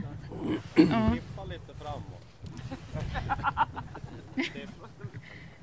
Och... Eh, är den inte riktigt? Jo då. Jag sågat av benen på den. Men eh, jag ger dig mikrofonen och kan du berätta lite grann om handslaget och lite grann ur jägarnas perspektiv hur ni ser på den här frågan. Ja, tack. Eh, Björn Sundgren heter jag, jobbar åt Jägarförbundet eh, sedan eh, början på 90-talet och sedan början på 2000-talet med älgfrågor, främst i Norrbotten, sitter stationerad i Luleå men sedan, ja, egentligen samma år som nya förvaltningssystemet kom igång så gjorde vi en liten omorganisation på Jägarförbundet så att jag är, som det så vackert heter, funktionsansvarig för jakt och viltfrågor i Region Norr som är de fyra Norrlandslänen. Eh, dessutom har jag förmånen att efter det här handslaget kom till sitta i den samverkansgrupp som Jägarförbundet har med, med skogsbruket där också Ronny sitter bland annat. Så att jag har väl varit med på resan lite grann i alla fall. Eh, man kan säga att det var ju lite spännande när jag fick uppmaningen och inbjudan och anmälde mig till den här eh, exkursionen och sen så när listan fylldes på med namn så insåg jag att jag är en jägarföreträdare bland 150 skogsföreträdare så ska vi prata älg och skog. Det var därför jag frågade om det här tornet är riggat på något vis. Eh, sen när jag tittar på namnen, för jag känner en del av er sedan tidigare, så inser jag att det här är ju ett av de intressanta bitarna med älg och skog.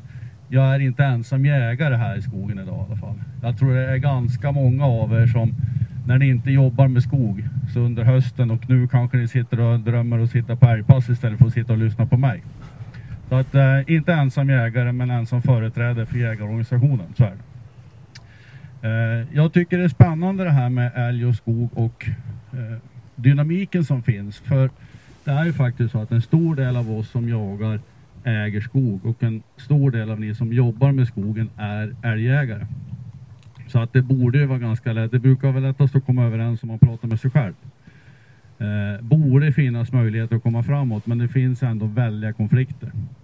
Och eh, jag vet att jag har läst artiklar från 50-talet där det omtalas från vissa om att eh, älgstammen är så stor så den omöjliggör ett rationellt skogsbruk i Sverige.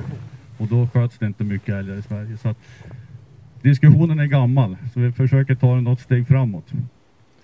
Eh, handslaget eh, upplever jag eh, var nödvändigt eh, och det är bara att konstatera att skog och älg, precis som David sa, det väcker känslor. Eh, och det triggar igång och väldigt mycket tror jag beror på att eh, jägarna kanske inte alltid ens har jakten som ett fritidsintresse utan det är ett sätt att leva. Det är ett sätt att vara, att vara jägare. Att få de frågorna på något vis attackerade, det väcker reptilhjärnan och motreaktioner. Eh, väldigt lätt att trigga igång diskussioner som inte alls hör hemma i civiliserade rum i alla fall. De hör tydligen hemma på sociala medier på ett annat sätt idag men tyvärr eh, är det lättare att uttrycka sig illa där. Eh, det drog iväg och det var som Ronny sa, eh, nya förvaltningssystemet där många ute i jaktvårdskretsarna tyckte att de tappade greppet. Tidigare så var det ju samråd mellan jägare och markägare också i de lokala samråden som låg på lägre nivå och nu flyttar man upp det till älgförvaltningsområden och markägarna för utslagsrösten Tidigare var det jaktvårdskretsarna som hade ingen utslagsröst men det var de som skulle kalla till samråd och så vidare. De kände att de hade lite mer grepp. Eh, skapa irritation, man kände sig lite maktlös. Eh, man tyckte att man blev pekat med hela handen att göra så här oavsett vad ni tycker eller inte. Och det är ju sällan något bra i samarbete utan det ska ju vara någon diskussion och komma fram till något gemensamt, i alla fall få förståelse för varandras synpunkter. Eh, debatten blev ganska het och det här handslaget tycker jag är absolut nödvändigt för att komma framåt. För det är bara att konstatera att vi som brukar naturen på ett eller annat sätt, om det är skog, jord eller jakt, vi har mer att vinna på att jobba tillsammans och hitta de gemensamma andra problemen som vi har framöver med kanske en annan grupp människor som inte alls vill att vi brukar någonting av skogen. Så att vi har väldigt mycket, jag kanske inte kallar det yttre fiender, men problem att hantera som inte blir bättre av att vi strider internt. Eh, för Jägarförbundets del eh, så är det ju i första hand så, det, när vi satt i den här gruppen och vi började diskutera och titta på de här förvaltningsgrupperna, hur fungerar de? Vi har bara konstaterat att de flesta förvaltningsgrupper fungerar väldigt bra. Där är man överens. Man gör sina egna planer och man är överens om planer. Ytterst få utslagsröster som användes eller där det är konflikter. Det finns självklart, men det är en minoritet. Eh, så vad är då problemet? Ja, det är ju nästa steg ut. Hur genomdriver vi det här i verkligheten, i praktiken? Hur får man de här planerna att faktiskt få genomslag i, i förvaltningen? Och då har vi ett litet problem. För då kan jag säga att eh, jag skulle tro att ni som sitter här och de som sitter i förvaltningsgrupperna är väldigt intresserade av älgförvaltningen för förvaltningens skull och på större ytor, alltså förvaltningsområde eller län. Eh, hur ser det ut om tio år? Hur ser det ut i skogen? Hur ser älgstammens kvalitet ut och så vidare? Majoriteten av jägarna, de tycker det är roligt att vara ute en vacker dag, sitta på passet, koka lite kaffe, träffa lite kompisar. I bästa fall skjuta en älg för att det är spännande, man får bra kött i frysen det här med förvaltning, det är fullkomligt ointressant. Men det är de här som vi måste på något vis få att inse att ja, vi måste bedriva jakten på ett visst sätt så att vi når våra gemensamma mål. Hur når man de här människorna? Det är knäckfrågan. Jag tänkte att eh, det som, när vi pratar om det här så är det lätt att man liksom blir lite, det sa du själv och jag, jag har varit inne på det att det här borde ju gå. Men jag skulle vilja be dig att vara lite mer konkret hur, på vilket sätt, vad är det som krävs? För jag är övertygad om att jägarna säkert kan hjälpa till, men om man ska göra det, vad är det som krävs enligt ditt sätt att se det? Jag först ska moderera den frågan lite grann. Jägarna har hjälpt till. Det var som Ronny sa, vi hade väldigt mycket älg på början på 80-talet och jägarna, det var ingen annan än jägarna som sköt ner stammen då.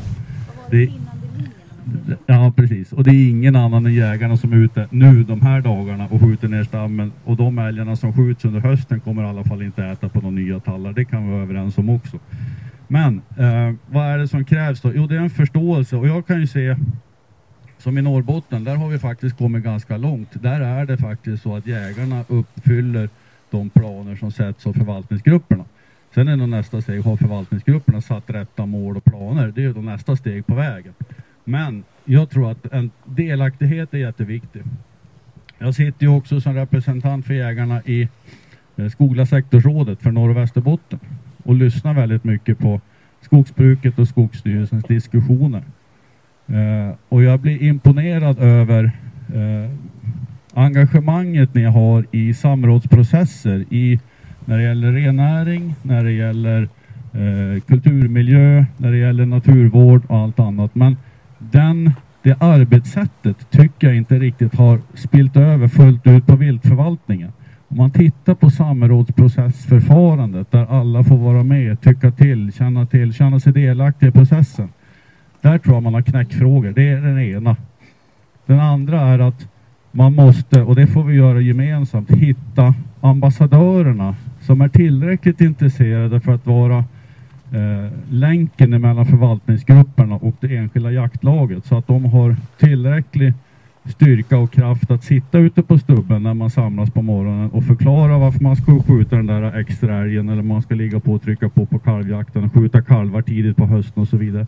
Måste hitta de här ambassadörerna på ett bättre sätt än man har gjort. Det går inte att sätta ord på ett papper, siffror på ett papper och sen skicka ut det. Det, det håller inte, det har vi sett fullt ut. Även om vi är duktiga på det idag.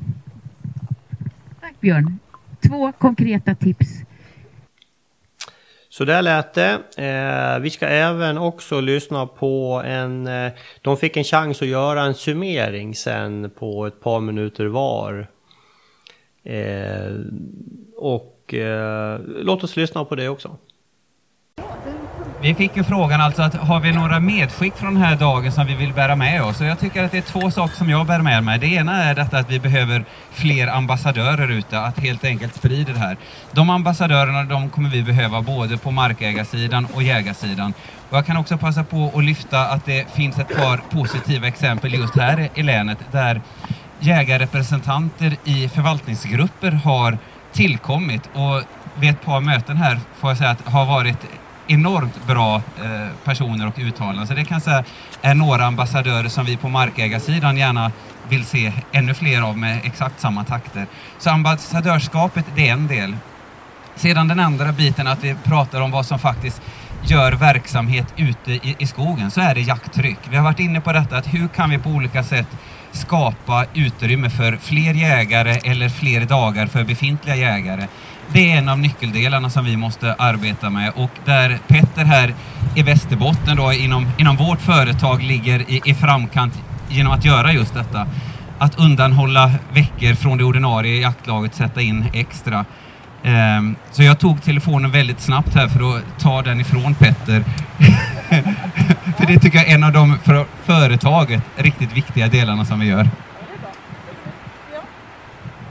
Ja, ska jag göra någon sammanfattning så är det lugnt och stillsamt. Men jag kan konstatera att det här är ju ingen quick fix. Det här är inte man ska leta efter en sak som löser problematiken. Utan jag tror att det är just kombinationen av olika sätt att skapa jakttillfällen för de som vill jaga, skapa förtroende eh, hos de som jagar mellan jägare och markägare, acceptans för målen, förtroende för att man faktiskt vill det man säger och skapa de jaktmöjligheter som finns. Men många olika delar. Alltså, så med tallprojektet i syd funkar det inte till 21 så lägger vi ner det. Eh, jag tror att man ska vara uthållig, hitta de små stegen framåt men på olika stigar framåt. Så att man inte väntar sig en lösning som ska fixa allt det här på en gång. Nu får du avsluta Peter. Eh, ja, nej men just det, jag tror att eh, jag har jobbat nu med det här, det är väl femte året jag håller på med det här och jag tror att, eller jag tycker att när det här handslaget lanserades egentligen, det var lite grann som en, en vändning på hela debatten och att så det här med acceptans. Men sen måste vi också vi som markägare även fundera över, det är faktiskt vi som förfogar över jakträtterna och, och har faktiskt det här i vår hand många gånger.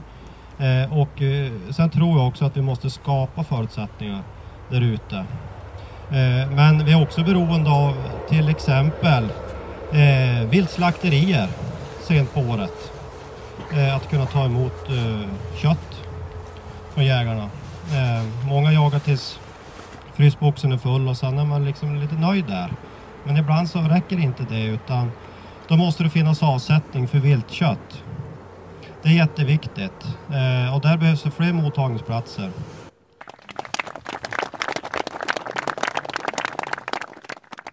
Ja, där fick vi höra det.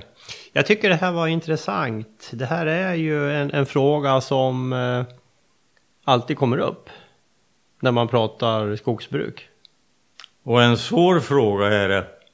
Det, det är en jättesvår och jag tycker det här var väldigt bra. Jag tycker det var bra att man hade bjudit in Björn Sundgren då från Svenska Jägarförbundet för det jag tycker det var intressant att höra lite grann hur, hur jägarna resonerar och, och hur, hur, tankarna går där. Och det, jag menar med en ökad förståelse så, så förbättrar det förutsättningarna för att vi ska lyckas tillsammans.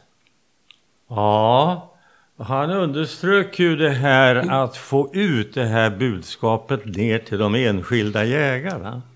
Hur man bär sig åt för att skapa en insikt hur allvarligt problemet är. Ja, precis. Man pratar om ambassadörer som skulle föra ut budskapet till, ja. till jägarna. Ja. För älgjakten är ju för de intresserade där uppe något väldigt viktigt och väsentligt. Mm. Helt Så klart. den inställningen den ändrar man inte på. Och det är ju i alla fall jägaren på passet som har det sista avgörandet om älgen ska leva eller dö. Mm. Han har fingret på avtryckaren. Ja. Ja men visst är det så att, eh, att, att man ökar att man kan liksom öka medvetandegraden om att det, det här handlar, det handlar inte om att, det handlar inte bara om att fylla frysboxen utan det handlar om att, att eh, skapa balans mellan foder och klövvilt. Ja men visst. Och, och, kan man nå till den insikten, ja men då, då blir det ju mycket lättare att sköta det här. Mm. Ja. Ja, men jättebra att, eh, att uh, Björn var med där. Mycket intressant att höra. Och, ja, det är ju... Det, vi hörde ju nu här också, alltså i år en av 87 älgskötselområden, älgförvaltning. älgförvaltningsområden hade alltså godkända betesnivåer då under 5% färska betesskador. Och förra året var det 6 av 83. Det här är ju skrämmande siffror. Ja, men visst. Och det är inte så lätt att se för blotta ögat utan det här kräver, det här kräver insatser och analyser eh, eh på äbin-nivå. Mm. Ja, det gör det. Ja, nej men eh, eh, det var bra. Jag lärde mig en hel del nytt i varje fall och eh, ja, diskussionen fortsätter. Eh, snart börjar älgjakten dessutom. Den är bara någon vecka bort. Ja. Mm. Ja, alright. Eh, det var det. Sen, sen, eh, eh, sen blev det renskötsel och skogsbruk. Ja. Och en det... annan känslig och kontroversiell fråga. Ja, och, och, helt ny för mig måste jag säga. För mig också. Ja. Jätteintressant att höra hur det går till och, och just det här med samråden och Eh, ja, hur, det, hur det funkar den här eh, förvaltningen. Eh, där fick vi ju en pratstund med Magnus Andersson som är renägare och skogsansvarig i Rans sameby. Eh, så här lät det. Eh, Magnus Andersson, välkommen till Skogspodden. Ja, tack, tack. Vi är ju på Föreningen Skogens höstexkursion och nyss så har vi fått höra dig och, och även André Dahlgren då ifrån Sveaskog prata om det här med renskötsel och skogsbruk på samma mark. Ja, precis. Och eh, ett, det som ni pratar mycket om det var ju det här med samråd. Ja. Berätta, vad är det för något? Ja, vi har ju skogliga samråd på all, all, all mark inom vårt renskötselområde. Det sträcker sig ju från, från kust till norska gränsen. Mm. Vi har nästan en miljon hektar mm. mark vi är på. Ja. Går ni inte över gränsen? Alltså det händer ju. Vi har ju fått uppleva den här med vad heter, klimat, eh, klimatpåverkan på ganska nära håll. Det har säkert ni också där nere i Bergslagen med varm, skogsbränder och dylikt. Men, men det är klart, sådana här vintrar när vi har blöta vintrar och så, då får vi ju problem att, att hålla ihop en ren jord. Och nu, nu när markerna krymper genom avverkningsmetoder och som blir då alltså markbered, hårda markberedningar och, och trakthyggesskogsbruk framförallt som blir väldigt högt. Vi är ju hårt belastade i våran sameby. Vi ser från 2011 och framåt till idag har ju, har ju ökat nästan, nästan tredubbelt. Vi hade ju 380 hektar hade vi 2013. Och nu är vi på 938 tror jag var i år. Så det är ganska stor ökning på Alltså vad, vad... som samråd om. Aha, alltså okay. avverkningsobjekt. Ja, ja, ja. Just det, ja. just det. Ja, det är ju en jättestor ökning. Ja. Eh, Magnus, jag glömde faktiskt. Eh, du kan väl bara kort presentera dig själv och din bakgrund? ja, jag heter Magnus Andersson. Jag har jobbat som renskötare hela mitt liv i Iran sameby och så är jag eh, skogsansvarig och jobbar med skogsfrågor sedan 2008, 20, ja 10 år nu kan man säga. Aktivt. Och varit med och utvecklat den här nya renbruksplan som vi har. Så jag har varit hemskt eh, delaktig i hela skogsarbetet. Mm. Och så sitter jag i centrala samrådsgruppen för hela Sverige då mot, mm. mot skogsbruket. Mm. Och då sitter Alla jag som, jag sitter som central för Västerbotten. Jaha. där jag var. Just det. Just Mm. det. Och det här, jag förstår att det här samrådet är liksom en central punkt när det gäller samverkan med skogsbruket. Ja, men ja, här är ju sa- samråd är ju, men vi är ju inte nöjd med samråden för att samråden är ju en del. Vi kan ju bara, vi har ju egentligen ingen beslutsrätt eller någonting och vi kan ju inte säga nej utan vi kan bara flytta fram eller Mm. alltså på, vi kan inte påverka samråden i den riktning vi vill.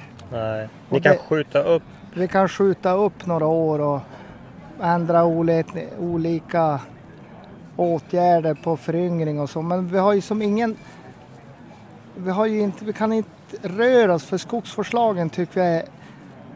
Vissa lägen tycker jag att skogsvårdslagen är så jävla trubbig gjord för att vissa områden som vi har här efter, speciellt efter Rådalar när det är tallhedar och, och då ska jag kunna tänka mig att göra en du behöver inte markbered, du behöver inte, du behöver inte ens vad heter nu, ha en eh, plantering utan du har självföryngring. Ja. För berätta, hur ser liksom idealskogen ut då för, ur din synpunkt, ur renskötsel? Ja, då ska jag ju kunna, då ska jag ju helst vilja ha kontinuitetsskogsbruk. Ja. Helt och hållet. Och speciellt alla fall om jag skulle, ett drömscenario var i alla fall inom de här nyckelområdena vi har nära de här ådalarna.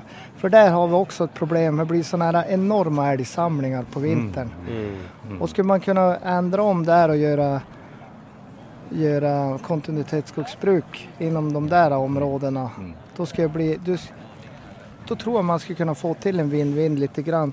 De, på sikt, jag vet inte på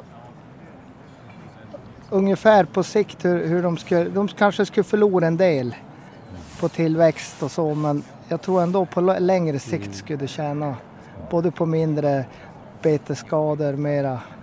Ja.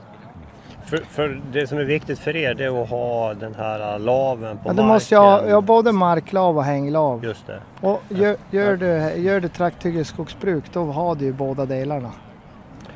Eh, Du, eh, jag tänkte fråga om det där eh, med hänglav. Hur, hur viktigt är det? De skogar vi har åkt igenom i, igår och idag, där, där ser man inga hänglav. Nej men det är ju det som har blivit, det är ju så fragmenterade områden idag. Mm. Så att de här hänglavsskogarna vi har kvar, det i den lilla mån, han finns ju på de här, man kan säga de här, när man kom från Sorsele upp, i de här gamla urskogarna vi har kvar på, i fjällnära skog. Här finns det kantzoner och sånt där det finns mot myrar, det finns hänglav, men annars det där har ju blivit ett jätteproblem nu för oss när vi har de här klimatförändringarna som blir. Mm. Och vi, dåliga vintrar framför Mm. allt med, med blöta vintrar och isbelagt markbete. Då är du tvingad att ha Hur är det med, med renskötseln överhuvudtaget? Ökar antalet renar? Nej. Nej, vi har sett en enorm nedgång. Jag tror, är jag tror att vi är ner nu. Det där finns ju statistik på Sametinget men jag skulle tro att vi har halverat Oj. renantalet i Sverige på de senaste 20 åren. Åh fan. Hur är det att rekrytera unga pojkar som vill Nej. ägna sig åt det här? Nej men det är ju det när vi har sådana problem. Och jag upplever ju, just renskötseln är ju, vi är ju precis nu på tipping point, på väg ut för och det där märker vi av för att när du inte har, när man inte får förutsättningar att kunna jobba med, det var det jag pratade om, det här med, för jag är köttproducent, renägare och älgägare och Mm. allting, då måste du kunna leva på Mm. jag producerar kött helt enkelt. Och jag vill ha kvalitetsgrejer. Och jag vill inte skjuta älgar i januari. Nej, för de, de är för magra. Ja, men då är det ju bara, då är det ju bara utrotningsmodell. Och jag tycker att Sverige skulle ta reda på mera den här... Folk behöver få sin... Här finns en gammal stam som har kvar det där att man har, vill ha odlat sin egen mat och man vill skjuta sitt eget kött. Och det där sitter i ryggmärgen. Här måste man kunna bevara och respektera, ha respekt. Jag tycker att skogsbolagen har tappat respekten lite för det här med att ta, ta hand om naturen på, på de villkora som ska vara. Går det mot flyttbara slakterier? Nej, hellre gå åt nästan åt andra hållet Jaså. tycker jag. Ja, jag hör, de, vi fick väl höra att nu, numera får ni inte slakta ute. På, Nej, utan ni nej, måste utan åka till slakteri. vi flyttar renar istället på djurtransport. Ja, ja okej. Det- Contorta har det inte pratat så mycket om, men Nej, vad, säger, nej, vad säger ni om det? Contorta är vi helt emot. Helt och hållet. För att jag tycker, jag kan inte fatta Sverige. Jag tycker att Nya Zeeland och sådana här länder är föregångsländer för det här är en invasiv art. Vi ser det. Och du förstör ju marken. Du, du, är ju, du har ju som, det blir en helt annan biotop där. Ja. Och jag sa det när vi satt på, när, med, kyrkan hade problem, Svenska kyrkan hade problem på sina marker, de ville plantera contorta. Och då sa jag, men du, nu är det väl ändå konstigt att vår herre, jag tycker att vår herre själv ska få bestämma vilket trädslag som ska växa på en egen mark. Och är helt... Där har du en poäng. Va- Varför, varför är contortan så dålig för renskötseln? Ja men det blir ju en förtätning. Ja. Du får ju en förtätning direkt. Mm. Och, och det finns väl nästan ingen annan än VDn på Holmen eller SCA som, som gillar contortan. Men och det där är, alltså det är ju... Jag kan tycka att det är den här äh, råa ekonomin, alltså verkligen pe- pengar Ja. som, som sätter sina spår där. Okej. Eh, man får ju lätt en, en, en ganska negativ bild över alltså, s- samarbetet rennäring, skogsnäring. Men jag tyckte ändå när du och, och André pratade här, det, det kändes ändå som att ni, ni har en bra dialog och ni, ni pratar med varandra. Ja men vi har ju pratat jag och André, alltså vi måste ju försöka vara pro, alltså vi får inte blanda in, alltså så jag ska börja bli personligt. Utan jag representerar en sameby och jag måste stå för våran åsikt emot. Ja. Och här, här får, jag har sagt till André också på, det, här får de lov att respektera, det är ju ingenting jag tycker synd om han. Nej. Utan vi måste kunna ha ett, ändå, även fast vi tycker olika så måste vi ändå kunna ställa. Ja. Men de här stora älgflockarna är alltså ett, ett problem ur din synpunkt? Nej, de, älgflockarna för mig är in- inte ett problem. Jo, men för betet? Blir, blir inte konkurrens om betet? Nej, nej, nej, de betar ju på, nej, renar betar ju på marken.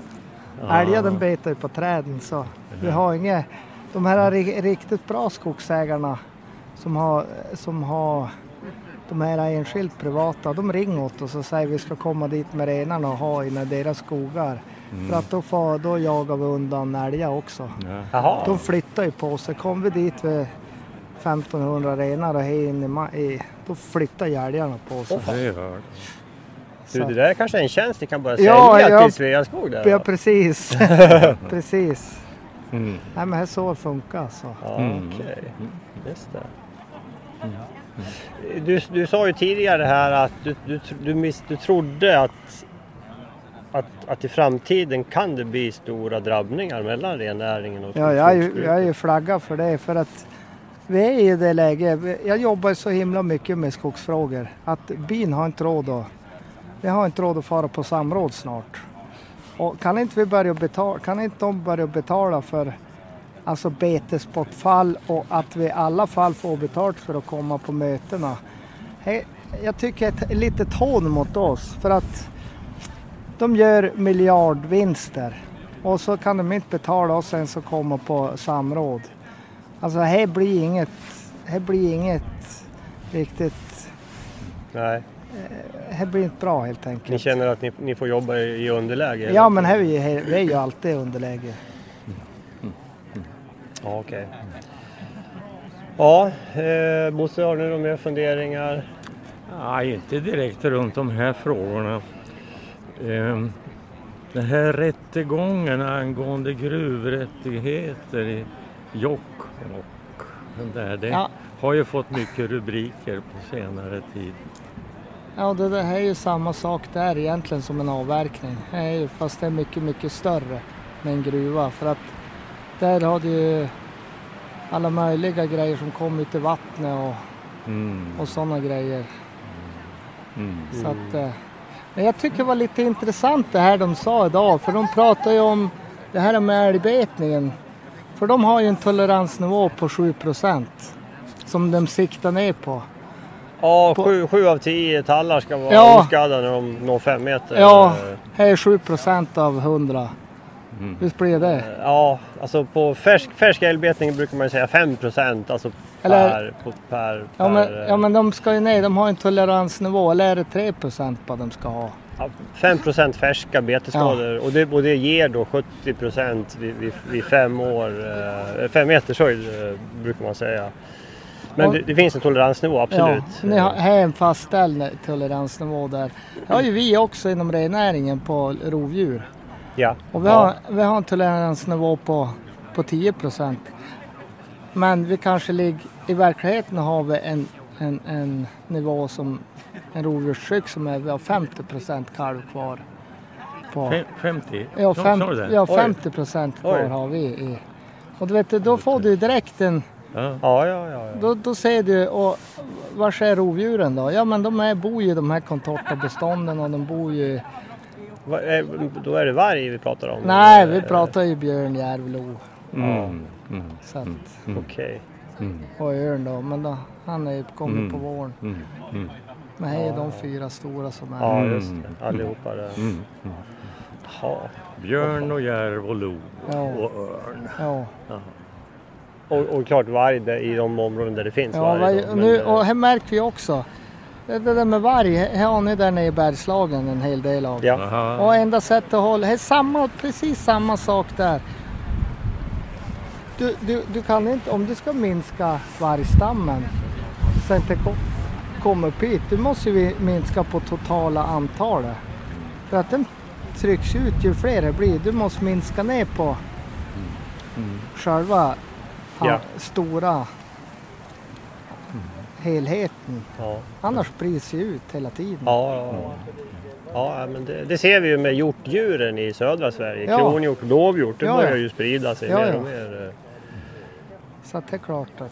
Kan det bli en... Det är klart, alltså de, det finns inte här uppe men eh, Nej, jag nej, antar men- att de går norrut. eh. Ja, men det har ju funnits kronhjort här uppe också men de dör bort. Jaha. De tål. Ja, de, nej men de tål, vintrar är för strängt. Ja, det är för, det är för, de är inte anpassade för Nej, det här klimatet nej. Ja, men eh, vad bra, intressant då. Vad, eh, har du nå, någonting, avslutningsord Magnus som du vill skicka med till, till skogsbruket då, i de områden där det, där det finns ren? Jag tycker att man måste vara...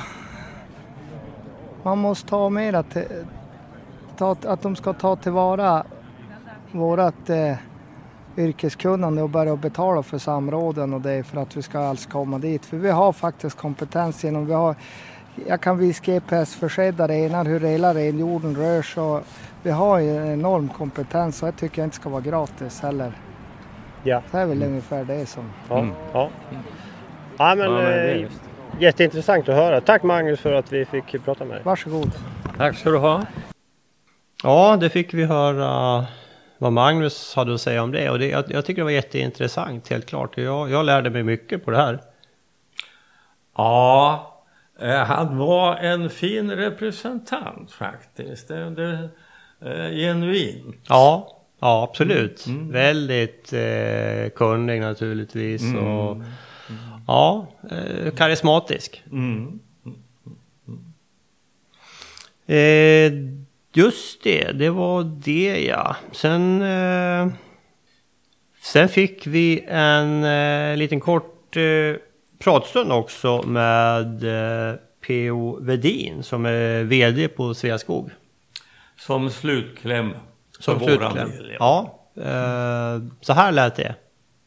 Eh, P.A. Vedin, VD på Sveaskog. Välkommen till Skogspodden. Tack så mycket. Vi har precis eh, avslutat höstexkursionen där vi har varit eh, två dagar.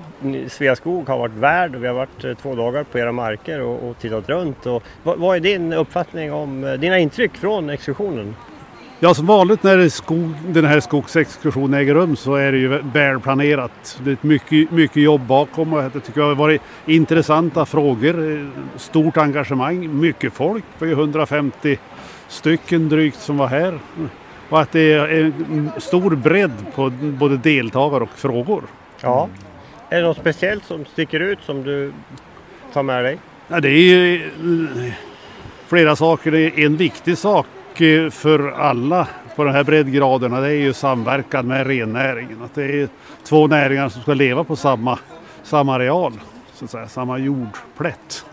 Ja. Eh, Och att hitta vägar framåt för, på, så att det här går bra. Så att säga. Ja.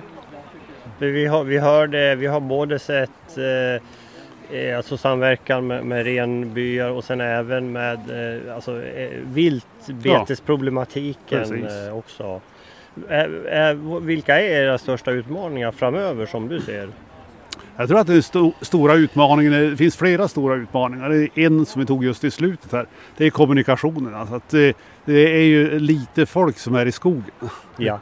Att, det, att det bredare allmänhet får en större förståelse för skogens alla nyttor. Det är inte bara virke och eh, blåbär utan det är klimat och det är eh, rekreation. Eh, Men att det är, en, det är en grundpelare för välståndet i riket och därför måste den skötas klokt. Ja, precis. Bosse, Ja. några reflektioner? Eh, jag tycker det har varit två väldigt intressanta dagar. Eh, jag har inte varit på så många sådana här skogen-exkursioner under åren. Men det här var, var hög klass på det här. Vi ska ju säga det att vi har ju varit i trakten av Lycksele och Malå.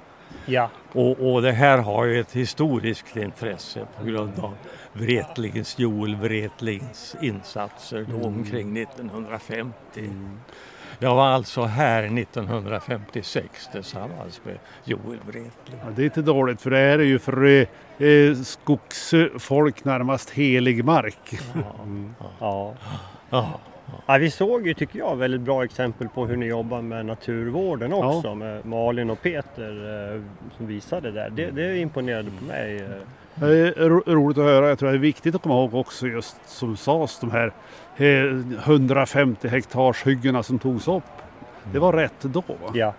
ja, de flesta beslut som tas är nog rätt när de tas. Jo. För det är ett väldigt långt perspektiv som vi jobbar med hela Ja, tiden. precis. Ja. Men vi har ju lärt oss på vägen. Ja. Ja. Int- Intressant tycker jag också var från Setra att eh, den här kvistfria eh, OS-kvaliteten. Det Ja. finns ingen värde i den. Eller finns inte, man är inte beredd att betala för det snarare. Och det är väl många, eh, jag misstänker att när du var ute här så ägnade du åt stamkvistning för att få fram bästa virket. Jag har ägnat ganska mycket tid åt stamkvistning. Det, gör vi fortfarande i, Bergslagen. Men, eh, ja, vi tror att eh, det kommer att få en renässans. Det tror vi fortfarande på. Ja. Ja. All right. Men det Eh, har varit väldigt fina dagar. Kul att höra. Kul att höra. Hela, hela Sveaskog ska ha Ja, tack jag är- för det här. Det är stolt över mina medarbetares insatser. för att Ja, det är väldigt eh, professionellt gjort. Eh, Stort tack! Tack så mycket! Ja, det var de eh, intervjuer och det material vi hade med oss från Västerbotten. Ja, Väldigt givande dagar. Ja, det var det. Jag håller nog den här exkursionen, jag tyckte den var, var mer givande än, än förra årets. Det, det är ju en miljö som, en skoglig miljö som är väldigt främmande för oss också. Det är stor skillnad mellan Bergslagen och norra Västerbotten. Ja, det är det. det, är det. Mitt intryck när vi åkte runt med bussen vi åkte ju en, runt en hel del, det var ju att eh, tyckte skogarna såg, såg välskötta ut. Det var ju, tyckte det såg röjt ut. Ja, vi, vi såg många fina ungskogar.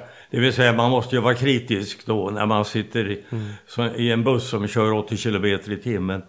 Det, det ger inte någon exakt Nej. bild av det. Nej. Men ett huvudintryck får man i alla fall. Ja. och, och, och det är eh, imponerande. Ja. Ja. Vad tar du med dig Bosse från den här exkursionen? eh? Vad, tyck, vad tycker du sticker ut? Eh, ja, det, det är ju älgbetesfrågan alltså. det, det, är, det är för mig det, det, det är väldigt viktiga och det svårbemästrade. Alltså. Ja. de här vandringsälgarna som finns där uppe.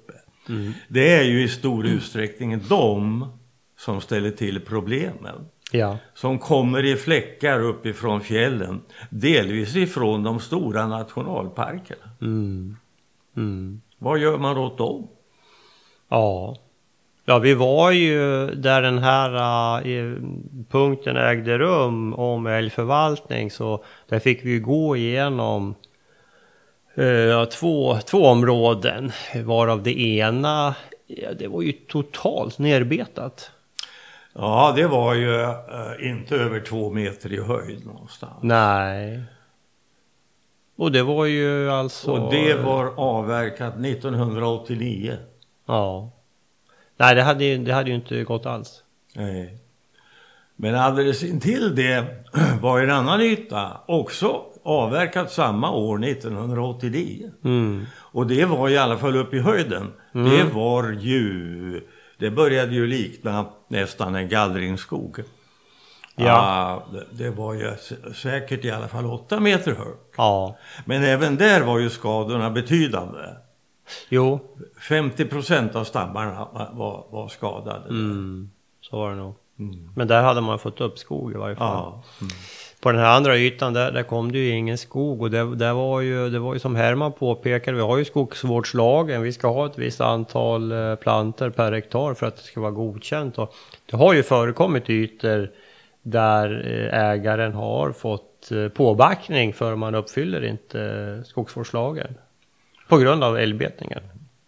Och då har man varit tvungen att starta om ifrån början och plantera. Ja. Och den som gör det vet ganska bergsäkert att det händer samma sak. Ja, den risken finns ju. Så det, det där är ju ett stort problem. Och det, det, men det är väl de här vandringsälgarna. Det har, det har vi ju inte här i, i mellersta och södra Sverige på samma sätt. Inte alls på samma sätt. Nej. Ja, eh, komplex problematik. Jag tycker det var jättekul att, att Björn från Jägarförbundet var med. För då fick vi liksom höra den sidan. Det blir ju mycket bättre debatt då naturligtvis. Mm.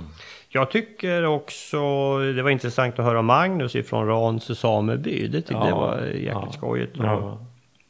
Vi, vi ska ju, det var ju en punkt och där var ju André, Dahl, da, eh, André Dahlgren, eh, områdesansvarig Lycksele från eh, Sveaskog var med. Och, och han beskrev ju det här samrådsprocessen tillsammans med Magnus då. Så de, de, de har ju en, en, en, eh, en samrådsprocess som, som verkar eh, ambitiös, helt klart. Ja.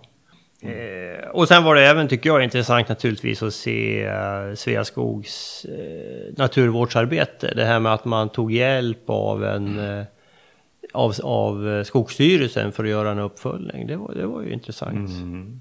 Jag vet inte om det... Jag vet inte om storbolagen jobbar så också. Känner du till det? Nej, det kan jag inte. Nej. Nej. Det kan ju vara något för oss att gräva i. Ja. ja. Mm. Jaha, eh, det var väl det det. Det här blev ju som sagt ett mastodontavsnitt och eh, man får dela upp det i flera lyssningar helt enkelt. Ja. Vi hade problem med en mikrofon så vi fick dela upp det i två inspelningar till och med. Ja, Eh, men eh, en, en slutkläm det är det att eh, skogens höst, höstexkursion den kan rekommenderas. Redan nästa år så återkommer man med ett intressant område. Precis, geografiskt. just det. Då flyttar vi ner till Södra Skogsägarnas område. Mm. Troligtvis så hamnar vi i Småland. Ja. Det finns också problem. Ja. Nej men det blir ju intressant. Det var ju Göran Ölander presenterade då att Södra blir nästa års eh, värd. Eh, så det, det har ju alla förutsättningar att bli spännande. Där I Småland och, och i ja, hela Södras område där det är ju där ligger ju medelfastigheten är ju betydligt mindre än, än i norra Sverige naturligtvis. Och, Det är väldigt fragmenterat. det är fragmenterat och det skapar ju också en stor variation på skogsbruket. Ja. Och det är ju en, en, en eh, företagsanda där nere som, som är beundransvärd. Ja, eh, det, det är det verkligen. Den priva, privata skogen i Småland, det, det är Ja, det är uppseendeväckande hur, hur intensivt det Mm. bedrivs. Alltså. Välskött, intensivt och mycket eh, företagsamhet, alltså kreativitet. Eh, Ja. Har du 30 hektar, 30-40 hektar, jag menar då, då det är många som hittar på eh, andra sätt att få inkomster på än bara timmer och massaved. Sälja julpynt och äventyrsbanor, forsfärder, kräftfiske. Ja, massa spännande saker. Så det, det, det får vi nog se, skulle jag tro. Jaha, eh, Det som är tråkigt där, det som pågår, det är ju förgraningen. Eh, det blir för mycket gran i Småland, för mycket gran i södra Sverige. Vi Ja. behöver mera tall. Ja, det gör vi. Och det är ju... Skogsstyrelsen har ju sitt projekt Mera Tall, startade nere i Småland där. Ove Arnesson har lett det. Du, nu pågår det en, en utrullning. Vi var ju med för en, två veckor sedan så har det startats upp, det var en kick-off här på Eriksbergs slott utanför Katrineholm, Mera Tall i Sörmland och Örebro län. Väldigt spännande att man drar igång det här också. Mm. Och det är väldigt befogat. Det är det, absolut. Och vi kommer ifrån Skogspoddens sida att hjälpa till att sprida kunskap om det här. Det, det gör vi ju. Vi, absolut, det gör vi. Och det är Rickard Sandström är projektledare för det där. Vi har, vi har faktiskt en liten film på Youtube som, där vi har filmat eh, bland annat en intervju med Rickard eh, ifrån den här kickoffen på eh, Eriksbergs slott. Eh, och sen är det det är Annika Fälton från SLU och Märta Wallgren från Skogforsk som, som pratar lite grann också. Gå gärna in och kolla på det där. Eh, sök på Skogspodden på Youtube så, så får ni se det. Men vi stöttar ju det här till 100%. Och, och det hoppas vi att hela det privata skogsbruket och även det storskaliga skogsbruket stöttar. För det är till nytta för alla. Även här är det ju fråga om att skapa balans mellan fodertillgång och viltstammar. Ja. Det är precis samma problem men i lite andra, annan skala än i Västerbotten. Mm. Mm. Ja, bra. Det får vi säkert anledning att komma tillbaka till. Det ska vi göra. Det ska vi göra. Eh, för övrigt då Bosse, vi har en del spännande poddavsnitt att spela in. Planeringen pågår för fullt. Vi har fått en del idéer från er lyssnare. Det tackar vi för. Eh, vi kommer också att realisera några av dem. Eh, vi kommer från och med nu släppa en, en podd i månaden har vi sagt. För vi... Eh, det är vad vi eh, hinner med. Vi har en skog att sköta också.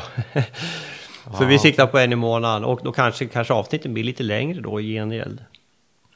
Och det är möjligt att vi släpper det sista fredagen i månaden då. Vi siktar på sista fredagen i varje månad där så, eh, så ska det komma en i de trakterna. Ja, är det något mer vi skulle nämna? Eh, inte vad jag kommer på. Nej, då tycker jag vi ska eh, tacka vår samarbetspartner eh, Skogen. Eh, du och jag är medlemmar där, likaså 9000 andra. Gå in på skogen.se och se om det kan vara något för er och passa på att signa upp er för E-skogen, deras eh, nyhetsbrev som kommer en gång i veckan. Eh, helt gratis förstås. Och sen har vi också vår eh, sponsor Husqvarna som just nu har ett väldigt Eh, spännande erbjudande. Om du köper en motorsåg 550 XP så får du alltså eh, skyddsutrustning värd 3000 kronor. Får du på köpet. Gå in på husqvarna.se och eh, hitta din närmaste återförsäljare och eh, gå in och kika på den här sågen. Eh, jag har kört den, jag gillar den skarpt, den är, den är bra. Och det här är ett bra erbjudande också. Gå in och kika på det om det kan vara något för er. Då tror jag vi sätter punkt där från det här mastodontavsnittet, vårt längsta hittills. Eh, tack för att ni har orkat lyssna på oss. Tack. Vi hörs om en månad igen. Hej så länge! Hej då!